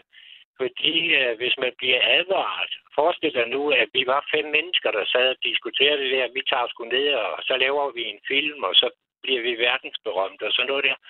Så kommer der en, der hedder James Cameron, og så siger som har forstand på, og der er instruktøren der, Ja. som har forstand på og, og ejer oven i købet også noget undervandshalløj. Så kommer han og siger, ved du hvad, Mads og Ricardo, nu skal I høre her, I to. I skal lade være med at tage det ned. Det er noget rigtig lort, fordi sådan noget kompositmateriale, det er ligesom hvis du øh, sidder og, og bukker en stoltråd 100 gange der, så knækker den på et tidspunkt. Du ved bare ikke, hvornår. Den kan knække efter fire gange, ikke? Ja. Og, og, og så havde du selvfølgelig som, som den, øh, øh, nu må jeg ikke rose verden, men altså med, med, med de tre brikker, vi har oppe i vil jeg sige, aldrig nogensinde, vi vil fandme ikke dernede. Slut. Nej, jeg er enig. Enig. Og, og så hvis du har en kone eller en veninde eller noget familie at tage hensyn til, øh, så vil du ovenikøbet sige, nej, det vil jeg sgu alligevel ikke byde mine børn, vel? Men Det det, er du også enig i. jeg er fuldstændig med dig. Men, men ja, og Ricardo, så er det, siger, at så det er jo bare, det er jo bare et fænomen, som uh, vi mennesker. Uh, altså, altså jeg, jeg har tit tænkt på, nu når man dækker Ukrainekrigen og sådan et eller andet der, Ja. så hvis uh, Rasmus Tandholt for eksempel er ude, og så han kommer til at, at finde en gammel dame på 86, øh, der har mistet et par tænder, og det er ikke de bedste sociale forhold, og, og, og hendes mand er, er, er slået ihjel, og, og, og ungerne er indkaldt til militæret, og dit og datten. Så når han står og, og taler med hende, det virker i hvert fald stærkt på mig. Men, men derimod, hvis de fortæller, her har du et hul i jorden, og der er, der er øh, 30 mennesker, der er slået ihjel, og sådan noget, det virker knap så stærkt. ja, og det er jo, det er jo tankevækkende. Det er jo tankevækkende, at det er sådan. Jamen, det har noget med, noget med øh, empati, altså menneskets øh, måde at gøre, når vi kan... Altså, og også hvis det er nogen, vi kender, så er det slemt. Og hvis det er om på den anden side af jorden, så er det måske ikke så slemt. Altså, det, jeg, ved ikke, jeg ved ikke, nyhedsværdien, den fordamper i øh, ligefrem proportionelt med afstanden og, og, og antal et eller andet. Altså, der er noget der. Jo, men øh, Middelhavet er der tættere på end Atlanterhavet i det her tilfælde. Ja, men øh, vi mennesker, vi kan ikke gøre for, at, at, at sådan er det. Det er, jo, det er jo ikke nok, at vi efterhånden så er vi blevet Hov, hvad skete der der? Det sker jo dagligt, ikke? Hallo? Ja, jeg, jeg, der kom en virkelig, nærmest som om der var en bølge, der skyllede ind over dig, Ricardo. Jeg tror, der var... Ja, Øh, men, men øh, det er fordi, jeg sidder hernede på... Nej, jeg sidder ikke i en ubåd. Men altså, øh, der var her øh, for et par dage siden, der var blandt andet, som jeg fortalte til Arance, der var en øh, journalist, der var nede, øh, nu siger jeg Lampedusa, det var dernede et eller andet sted. Og det var øh, en af dem, der var blevet reddet efter en kendring, tror Ja. jeg nok. Ja. Og vedkommende, jeg tror, det var syvende gang, han er kommet ned fra Elfenbenskysten eller et eller andet, og prøver at komme herop. Og det må jo, øh, altså det er jo ikke, fordi han er eventyr, vel? Nej, det er fordi, han insisterer. Det må jo være en god begrundelse om, at han siger, ved du hvad, her, der gider jeg ikke at være. Vi har et korrupt styre, eller altså, jeg vil jo ikke være, eller vi får ikke noget regnvejr, og sådan lidt. Altså, hvad, hvad vil mennesker gøre, hvis, øh, hvis nu det ikke regner? Ja, ja, De ja. kan ikke få noget mad. Og de har en korrupt leder, der bruger hele lortet til, til våben og undertrykker folk og, og, og, og, og scorer alle, alle pengene selv eller et eller andet. Ingen sociale forhold eller... Altså... Uh, Jamen, jeg tror, jeg tror jo, øh, ligesom Polle, vi havde igennem lige før, så, så er vi jo grundlæggende enige om, at vi kan godt forstå, hvorfor folk flygter. ja, Problemet er og udfordringen er, hvad i alverden gør vi så ved alle de 80 millioner, der lige nu er på flugt? Nå, men, nå, men det er også rigtigt. Altså, der, hvor, hvor, hvor jeg bliver for, hvor, altså min forarvelse, den overstiger min empati, det er der, hvor der er nogen, der har 1,7 millioner til at tage derned, fordi de er, øh, fordi de er eventyrgale, ikke også? Ja. Altså, øh, det, det, det kan godt forarves, at, at verden, den er så skævt fordelt, at nogen, der kan gøre sådan noget for sjov, og, og, og så må de også være dumme. Hvordan fanden har de fået det? Undskyld, jeg banner. Hvordan har de kommet til alle de penge, hvis de er så rav dumme, altså? Og, og man, hallo? Ja, men jeg, jeg, jeg lytter, jeg lytter. Og man skal også, øh, man skal også tænke på, at, at øh, når, de, når, når, når man gør sådan nogle ting, hvis nu vi, vi to vil be- begynde at bestige Mount Everest uden iltmaske, Ja, ja. så skal vi jo altså også regne med, så bringer vi også nogen, fordi der er jo nogle internationale bestemmelser om, at så er der altså nogen, der skal enten flyve op efter os eller redde os og sådan noget. Jamen, så bringer vi altså andre mennesker i fare i også. Ja. Det er altså ikke engang bare os selv. Og det er jo... Altså, ja, men jeg har sgu mange meninger om det, men det er så svært at forholde sig til. Ja. Men, øh, men det er rigtigt nok, at vi, vi har ikke plads til... Vi har ikke plads til, til er det 80 millioner flygtninge, der er i verden i øjeblikket. Øh, og der er i hvert fald øh, halvdelen, det er nok klimaflygtninge, efter hvad man siger. Og resten, det er vel på grund af korrupte styre. Vi har selvfølgelig ikke plads til dem alle sammen, eller altså, tydeligvis heller ikke i Europa, fordi så bliver det lige så slemt her. Ja. Men så skal vi gøre, ligesom Lise Nørgaard hun sagde, hver gang, at det sender noget ulandshjælp derned, så skal de altså have en, kasse kondomer også. Ja, det Og fik, sådan hun, det. øh, det fik hun mange hug for at sige. Ja, men det er jeg er sådan set ligeglad, for jeg synes, der var noget, for, selvom hun var gammel, så var hun da frisk. Bestemt. Bestemt. Fordi så er man jo nødt til at fortælle, når folk ikke kan finde ud af det, så må, så må man altså fortælle dem, at der er de muligheder. Så må man sige, ved du hvad, det kan ikke nytte noget, at I får 16 børn, hvis, eller 8 børn, øh, hvi- hvi- hvis der kun er plads til, til øh, eller fødemidler til tre. Så synes det. Ja. Ikke? Jo. Øhm, Og det kan, jeg tror også, at dine lytter, de bliver også pisse sure på Ricardo. Det er der ikke noget at gøre ved. altså, jeg, jeg ringer heller ikke, fordi jeg skal være kendt. nej, nej. Hvordan, øh, Ricardo, synes du, mediernes øh, nivellering af det her har, øh, har været? Synes du, den har været passende, eller er der noget, der undrer dig?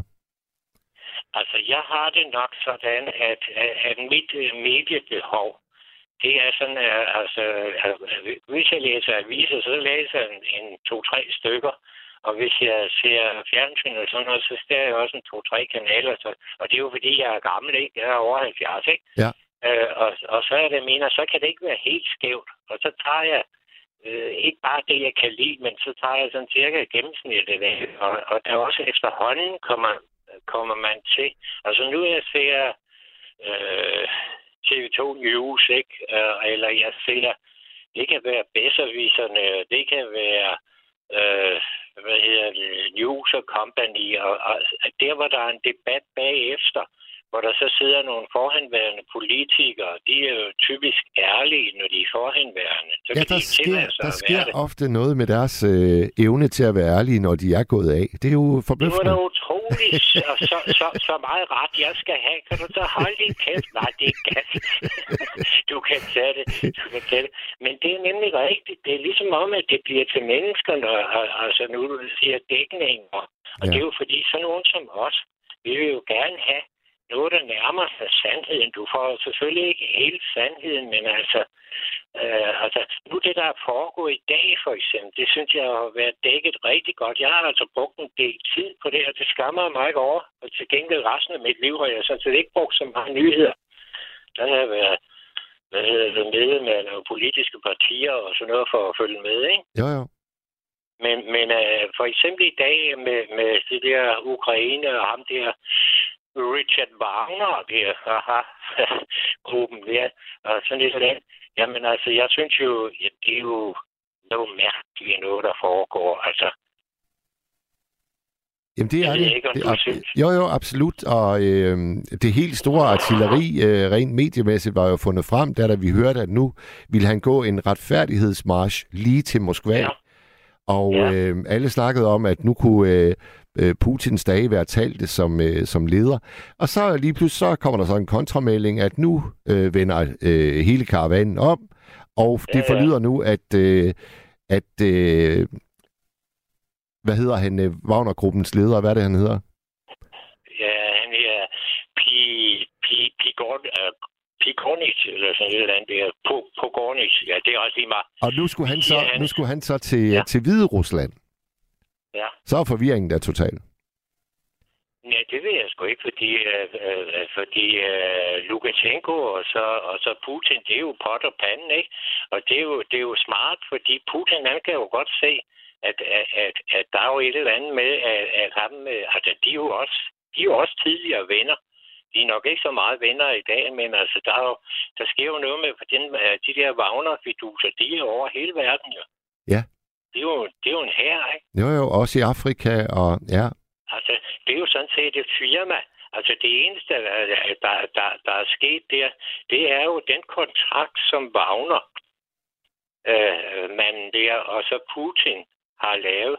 Det er jo en, en dårlig kontrakt, fordi det eneste, øh, der er aftalt, det er, det er jo sådan set, at han skal, han skal øh, knuse de der, de der Ukraine, Øh, og så har han til gengæld sagt, at så skal du altså skaffe noget brændstof og noget våben og noget ammunition og noget halløj. Og gør du ikke det, så kan vi jo ikke gøre det, vel?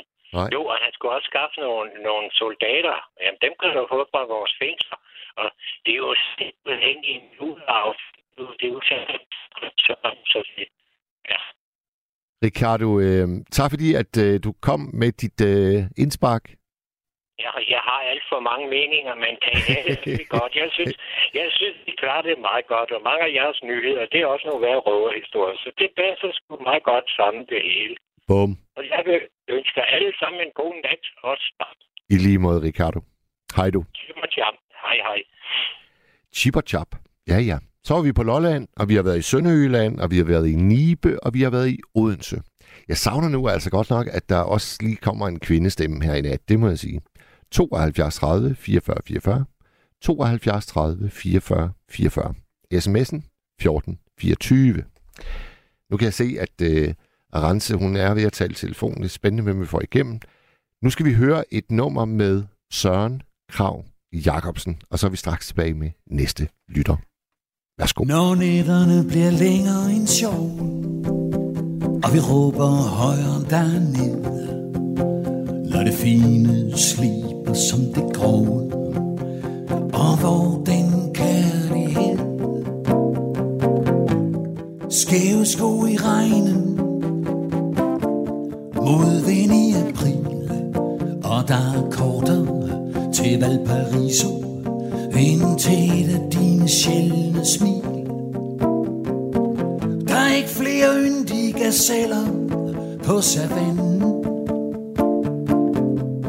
Så er det for fanden på tide At vi to spørger hinanden.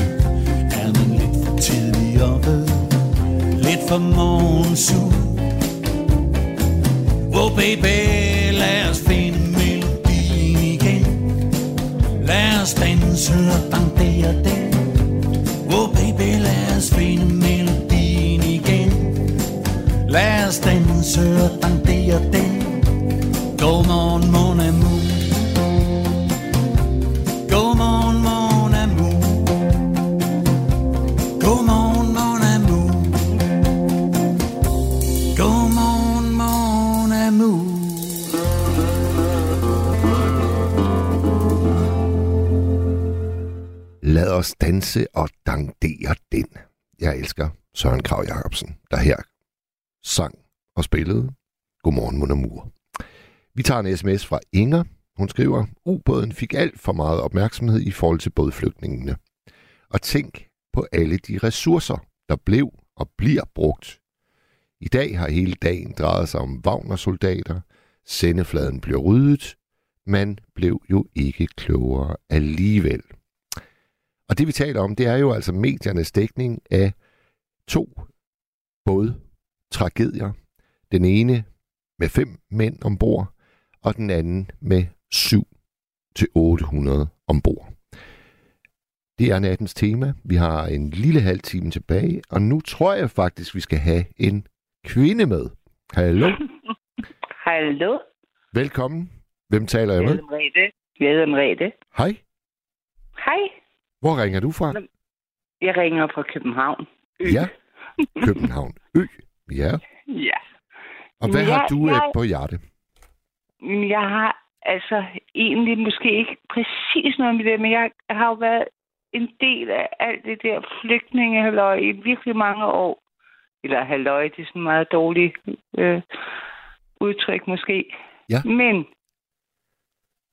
og så har jeg tænkt på, forleden dag, så kiggede jeg ind i øjnene på, på hvad hedder han, Jan Grarup, Fotografen. som i fotografen, ikke? Ja.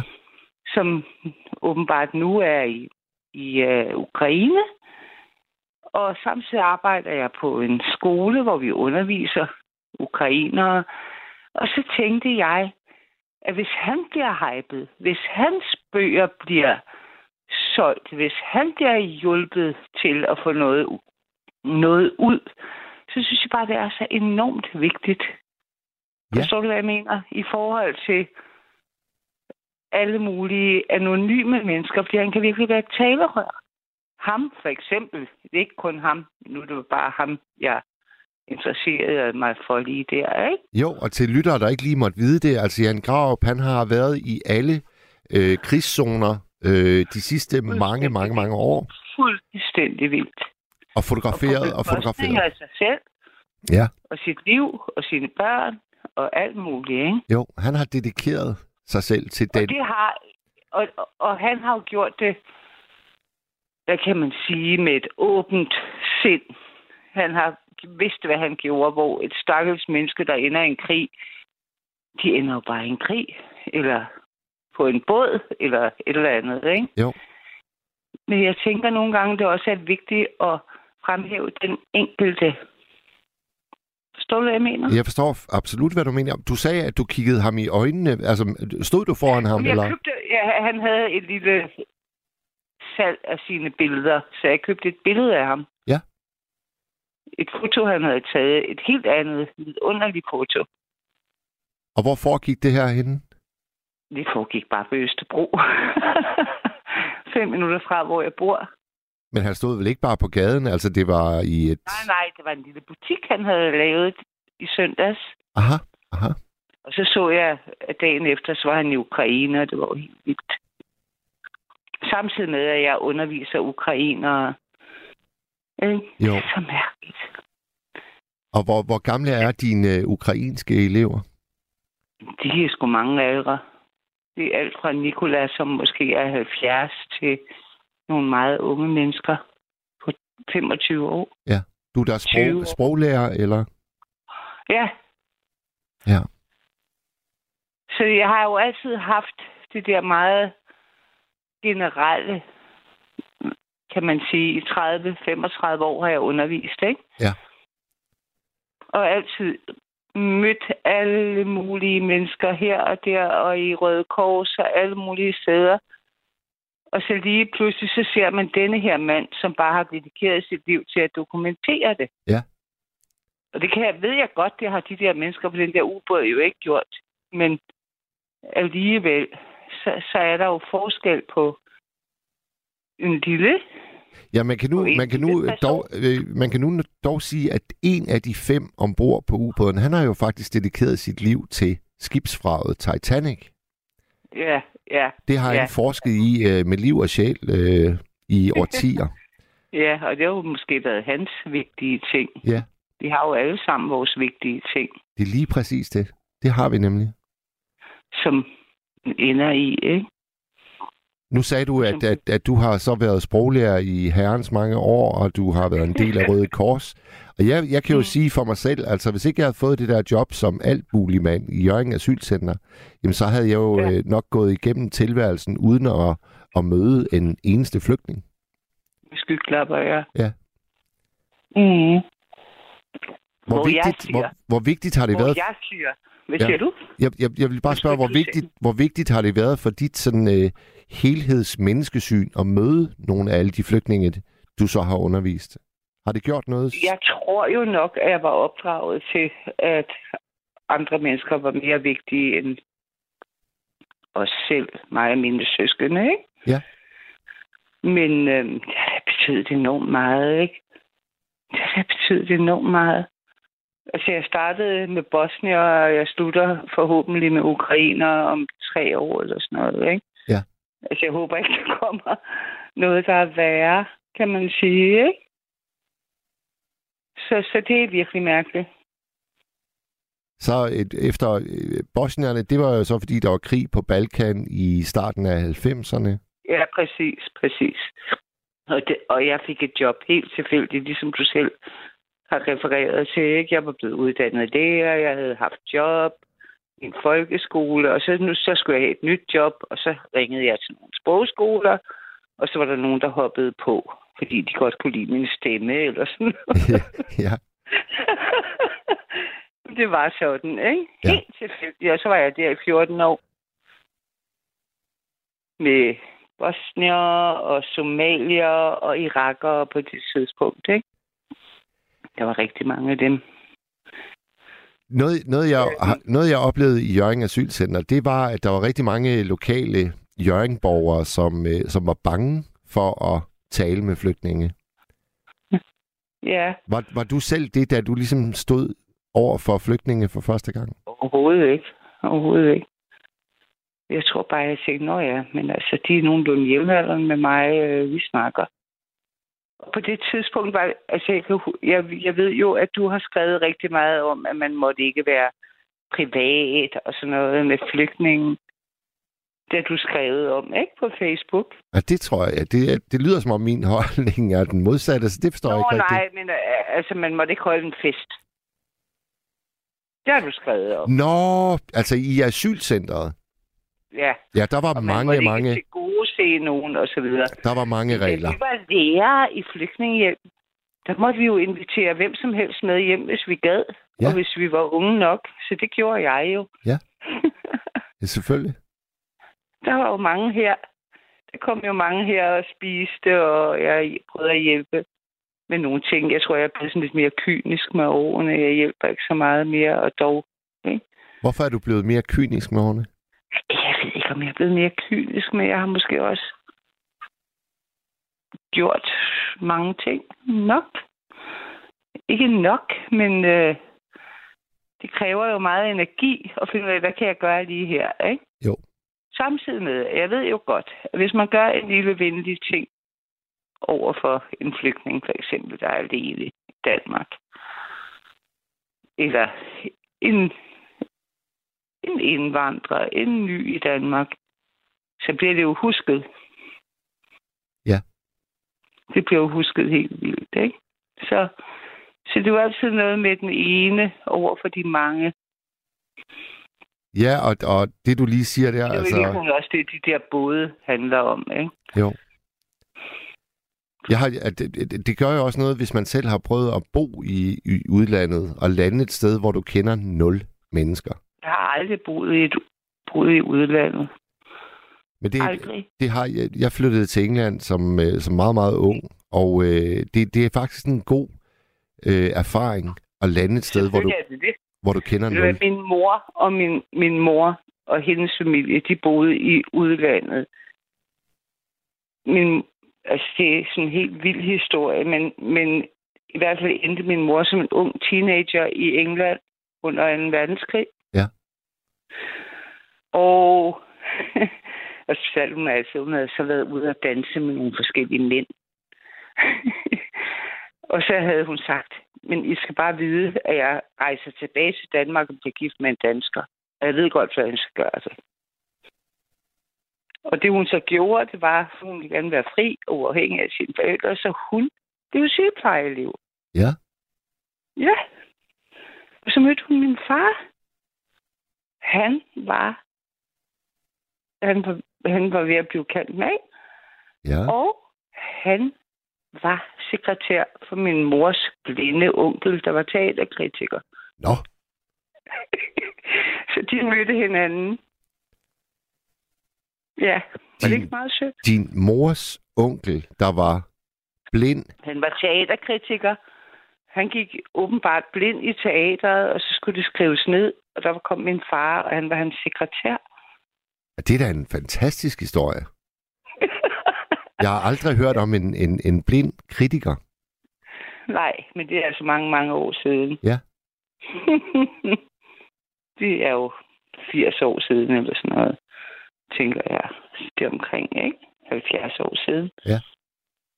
Så, så, så vi var jo altid, op, jeg tror, men det jeg vil sige, det var, at jeg jo altid opvokset med, hvor svært det var for min mor at være i et andet land, og,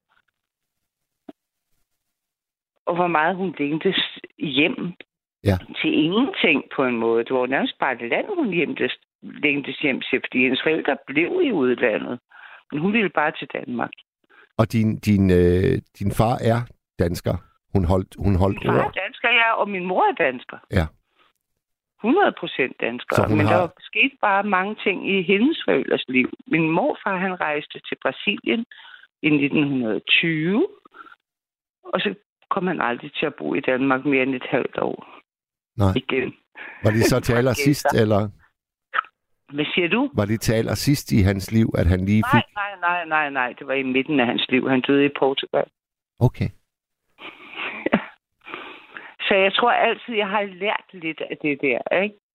Altså også, altså også min mors øhm, historie om, hvordan så rejste hun til England og kom tilbage til Danmark og kom og besøgte sin klasse, som var måske tredje klasse. Og de drillede hende med hendes sang og læreren, og så hun sagt til læreren, nej, det hedder ikke bøsser, det hedder butter. Og så havde læreren sagt, du skal ikke rette mig. Sådan var det Ja. dengang. Så derfor tror jeg altid, jeg har haft sådan en, en enorm, hvad hedder det, sympati for, for flygtninge for eksempel, ikke? eller indvandrere, men også meget flygtninge, fordi de har jo ikke noget valg. Og et barn har jo heller ikke noget valg. Et barn, der bliver flyttet af sine forældre, har jo ikke noget valg. Hvordan? Min mor kunne ikke sige, "Nå, men nu vil jeg fandme mig tilbage til, til Danmark. Hun skulle bare være i England eller Canada, eller hvor hun nu var, ikke? Ja. Hvordan, hvordan ser du på, øh, på forskellen mellem at være migrant og være flygtning? Altså, hvordan, hvordan definerer du de to? Eller er det det samme for dig? Nej, det er ikke det samme for mig. Det er slet ikke det samme for mig. For Danmarks, Danmarks Radio skrev jo faktisk, da de øh, registrerede, at nu er der sket det her skibsforlis, så, så kaldte de det et, en migrantbåd. De kaldte det ikke et flygtningeskib, de kaldte det en migrantbåd. Ja, ja, jeg tror, jeg tænker... Øhm, jeg, jeg tror, jeg tænker, der er rigtig, rigtig, rigtig mange mennesker i verden, og jo mere og mere og mere og mere, også med sådan nogle klimaforandringer og sådan noget, ikke? Ja. Som næsten bliver nødt til at løbe væk. Men, men for mig så er en flygtning næsten altid en politisk flygtning. Hvad, hvad mener du med det? Jeg mener? Ja. Et menneske, der simpelthen er blevet øh, efterstræbt af en regering eller sådan noget. Men, men det gør dem ikke bedre eller værre. Det er bare, hvordan jeg definerer en flygtning. Ja. Og Men- det er egentlig også noget pjat, fordi jeg definerer jo også øh, ukrainere som flygtninge. Jamen, det gør jeg da bestemt også. Det gør jeg da bestemt Ja. også. Ja. Altså, jeg, jeg har faktisk valgt øh, at, at have den øh, holdning, at et hvert menneske, der sætter sig ud på et overfyldt skib, der har en høj risiko for at kendre, er for mig en flygtning. Så behøver jeg ikke at vide, hvad er baggrunden? Er det fordi, at øh, der er sult i det land, vedkommende kommer fra? Er det fordi, der er krig? Er det fordi, at homoseksuelle de risikerer dødsstraf, og vedkommende er homoseksuel? For mig er det fuldstændig øh, irrelevant. Ja, også for mig på den måde. Men der er bare mange, der er bare mange, der drager en, øh, en sondring. Nej, ikke på den måde. Ikke på den måde. Men, men Jamen, Danmarks Radio gør det jo tydeligvis. Der er jo kæmpe forskel på at kalde noget for et migrantskib eller et flygtningeskib. fuldstændig. Men, men det er jo en, en Altså, det har de jo gjort i mange, mange år efterhånden. Alle medierne kaldt flygtninge for migranter, ikke? Ja, Det synes jeg. Jamen, det, det, det, det, det, det har stået på i mange år. Ja. Synes du ikke? jo, jeg er helt enig. Og det undrer mig. Jeg, Det jo altså, jeg, jeg ved ikke, hvorfor. Grotesk. Jeg ved ikke, hvorfor det er sådan. Nej, men det er jo fordi, at...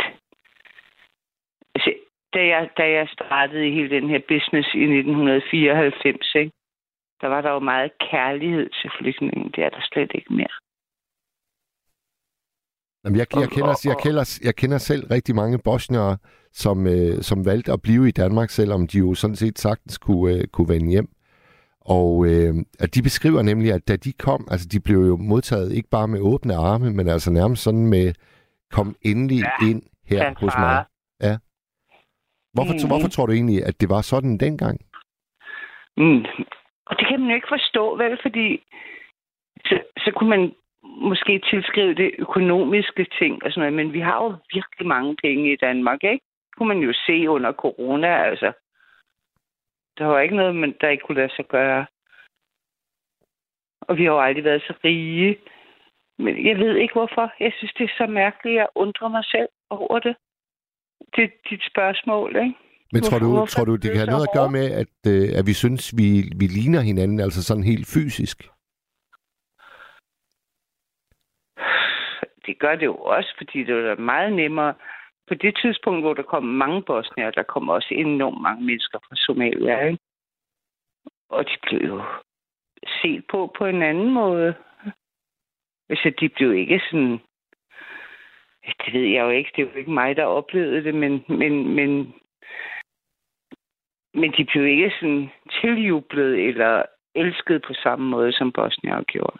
Nej. Vi har faktisk et andet fortilfælde i 56, da øh, russerne de, øh, de invaderede Ungarn. Der, kom, der modtog vi virkelig, virkelig mange ungarske flygtninge.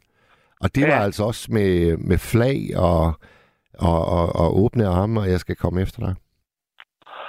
Jo, jo, men der kan man sige, de kom jo sådan som sådan et oprør mod kommunismen, ikke? Jo.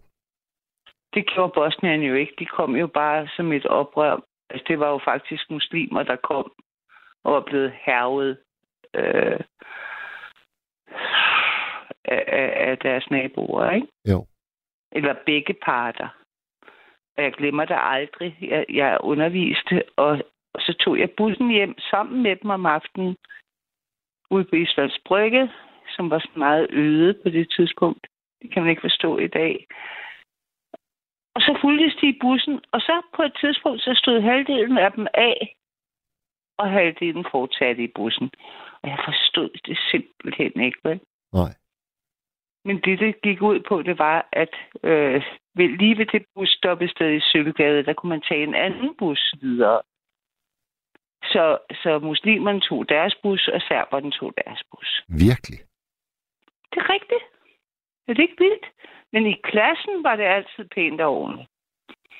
Der var aldrig et grimt ord mellem hinanden, men der var afstand. Ja. Det synes jeg er vildt. Nu snakker vi om noget helt andet, men det er jo også interessant, det her, ikke? Jo, jo, jo, bestemt. ja. Men du regner med at Så gå jeg- på, øh, på pension om to-tre år? Fire år. Fire og et halvt. Fem. Måske aldrig. nej, nej. og, og du hvad, jeg, jeg havde en, en, jeg har en kursist, eller jeg har haft en kursist, det vi kalder dem kursister, fra Ukraine for nylig, en ung mand, som var kommet faktisk til Danmark før krigen. Der er nogle ukrainer, der var kommet før krigen, fordi de har kunne skaffe sig et EU medborger, hvad hedder det, sådan en passe, ikke? Ja. Og, og, og så bad jeg dem om at skrive, det var bare sådan en opgave, der var, hvor de skulle skrive om et gammelt menneske i deres liv, som de beundrede. Og han skrev så om sin bedstemor, som var aggressiv, men med et hjerte af guld. Hun var aggressiv, men med et hjerte af guld. det var så vidunderligt. ja, det er en fin formulering. Ja, og så snakkede vi lidt om det, og så fortalte han mig jo, han er jo ikke flygtning, men det er han jo alligevel, ikke? Så fortalte han mig om, hvordan hans gamle onkel bo, bor i et højhus i, i Kiev, Ja. tror jeg. Eller Lviv, eller et eller andet sted. Og så var elevatoren gået i stykker, og det er jo de der sovjet øh, med 20 etager. Så han sad, den her tusse gamle mand på 20. etage, og skulle gå op og ned. Uh. Og så græd vi lidt. Ja, Jeg det sagde, skal, skal, man- kan du holde ud og fortælle mig om det? Så sagde han, jeg kan ikke holde ud af det der. jeg kan ikke holde ud og lade være. Hvor er det fint. Det var så fint. Det var simpelthen så fint. Men det vil sige, altså det, var- det var det, jeg, jeg, jeg lidt øh, var inde på tidligere i vores snak her. Altså, det er jo ikke, det er jo ikke helt omkostningsfrit at være sproglærer for folk, der har virkelig, virkelig barsk bagage med, ikke? Nej, men øhm, jeg tror, jeg, jeg har sagt det før, hvis, også til dig. hvis de kan holde ud og fortælle mig om, hvis de kan holde ud og overleve det, så kan jeg også holde ud og høre om det. Ja. Det tror jeg altså ikke, du har sagt i vores snak her, men det er, far, det er fandme godt sagt. det, det er jo rigtigt. Det var der en, der sagde til mig, da jeg var ung. Ja. Og jeg synes, det er så rigtigt. Jeg kan, også holde ud, jeg kan også godt holde ud at se de der bygninger. Jeg kan godt holde ud at høre om det. Jeg kan godt holde ud at leve et liv, hvor jeg godt gider at høre om det. Ja. Fordi vi har alle sammen brug for det, når der gider at høre på os. Ikke? Og vi har også alle sammen brug for nogen, der øh, er villige til at, at rejse rundt som, som Jan Graup. Altså til, til de allermest øh, Og det er voldsomme... det, jeg mener. Ja. Ikke? Hvis han ikke var der, hvis han ikke var der, så sådan et menneske som ham, og måske også nogle andre, jeg tror, jeg kan lide ham, fordi han er også, er også lidt nedtonet på en eller anden måde. Det kan jeg godt lide ved ham, ikke? Og han har været alle steder. Han har været i Rwanda. Han gik ind i Rwanda, da krigen i Rwanda startede. Jeg har også været i Rwanda mange gange, flere gange, ikke? Har du været det med Røde Kors så, eller?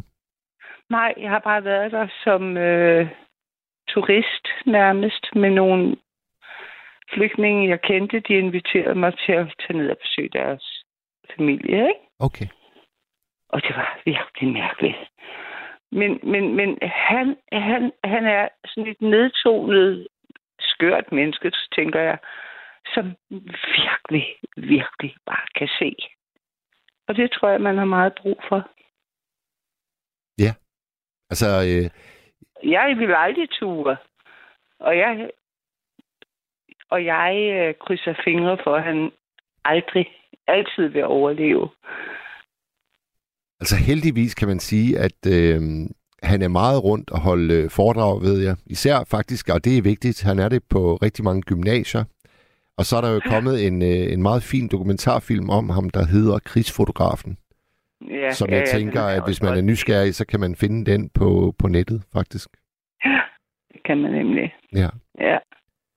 Fordi han er utrolig. Og det er så mærkeligt, fordi alle de der steder, han har været, alle de mennesker har jeg undervist Ja, det er jo det, du i har. Danmark. Ja. Det er så mærkeligt. Og, og jeg købte et billede af ham forleden dag. Hvor meget, Jeg skulle var du, hvor meget skulle du give for det, øh, Merete? 1500 Ja. foto. Og det her foto, det er en lille dreng i en flygtningelejr på grænsen mellem Etiopien og Somalia. Og, han sagde til mig, at det var sådan en lille hvad det, dreng med et eller andet handicap, ikke? Og han sidder med en ballon, og det her billede er sort-hvidt. I mit hoved er den der ballon rød. og det er den overhovedet ikke. vel? Og så siger han, der skal jo også være håb. Ja. Og så tænkte jeg, jeg har aldrig mødt et menneske, der ikke havde en lille smule håb. Det har jeg faktisk ikke. Nej. Altså, er flygtning og mig selv heller, eller du har sikkert også noget håb, selv når det er, er værst, ikke? Jo.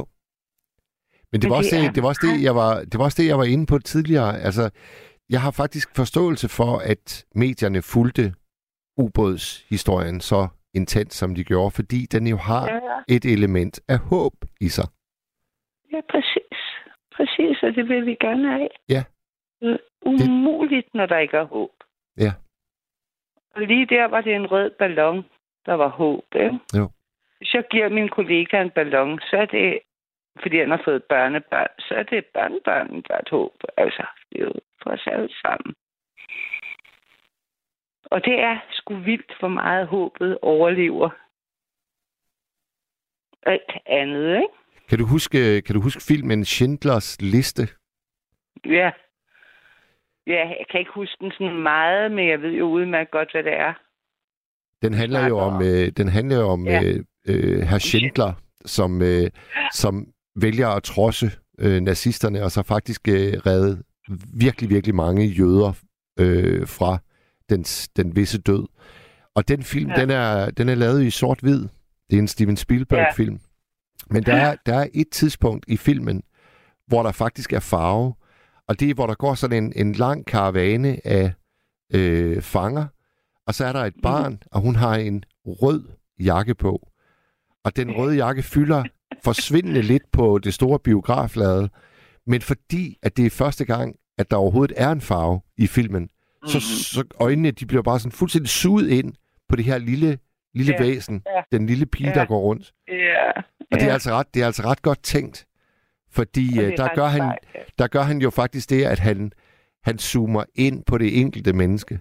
Et kort øjeblik ja. i den her film, der var tre timer, tror jeg. Og man Men glemmer, det der man glemmer det sgu aldrig. Ja, det der foto, det er præcis det samme. Det er den her lille dreng, han sidder med en ballon. Ja. Og det er en ballon, og hele fotoet er sort-hvidt. Og der var mange af dem. Og jeg tænkte bare, nej, den der ballon. Så siger jeg til ham, "Den ballonen er jo rød, er den ikke? ja. Det er så fint. Det måtte den bare være. Ja. Fordi det er jo sådan alt det der livskraft og, og så videre, ikke? Lad os, lad os slutte med det ord, øh, Merete, fordi det, Kraft. pro, program, Hej du.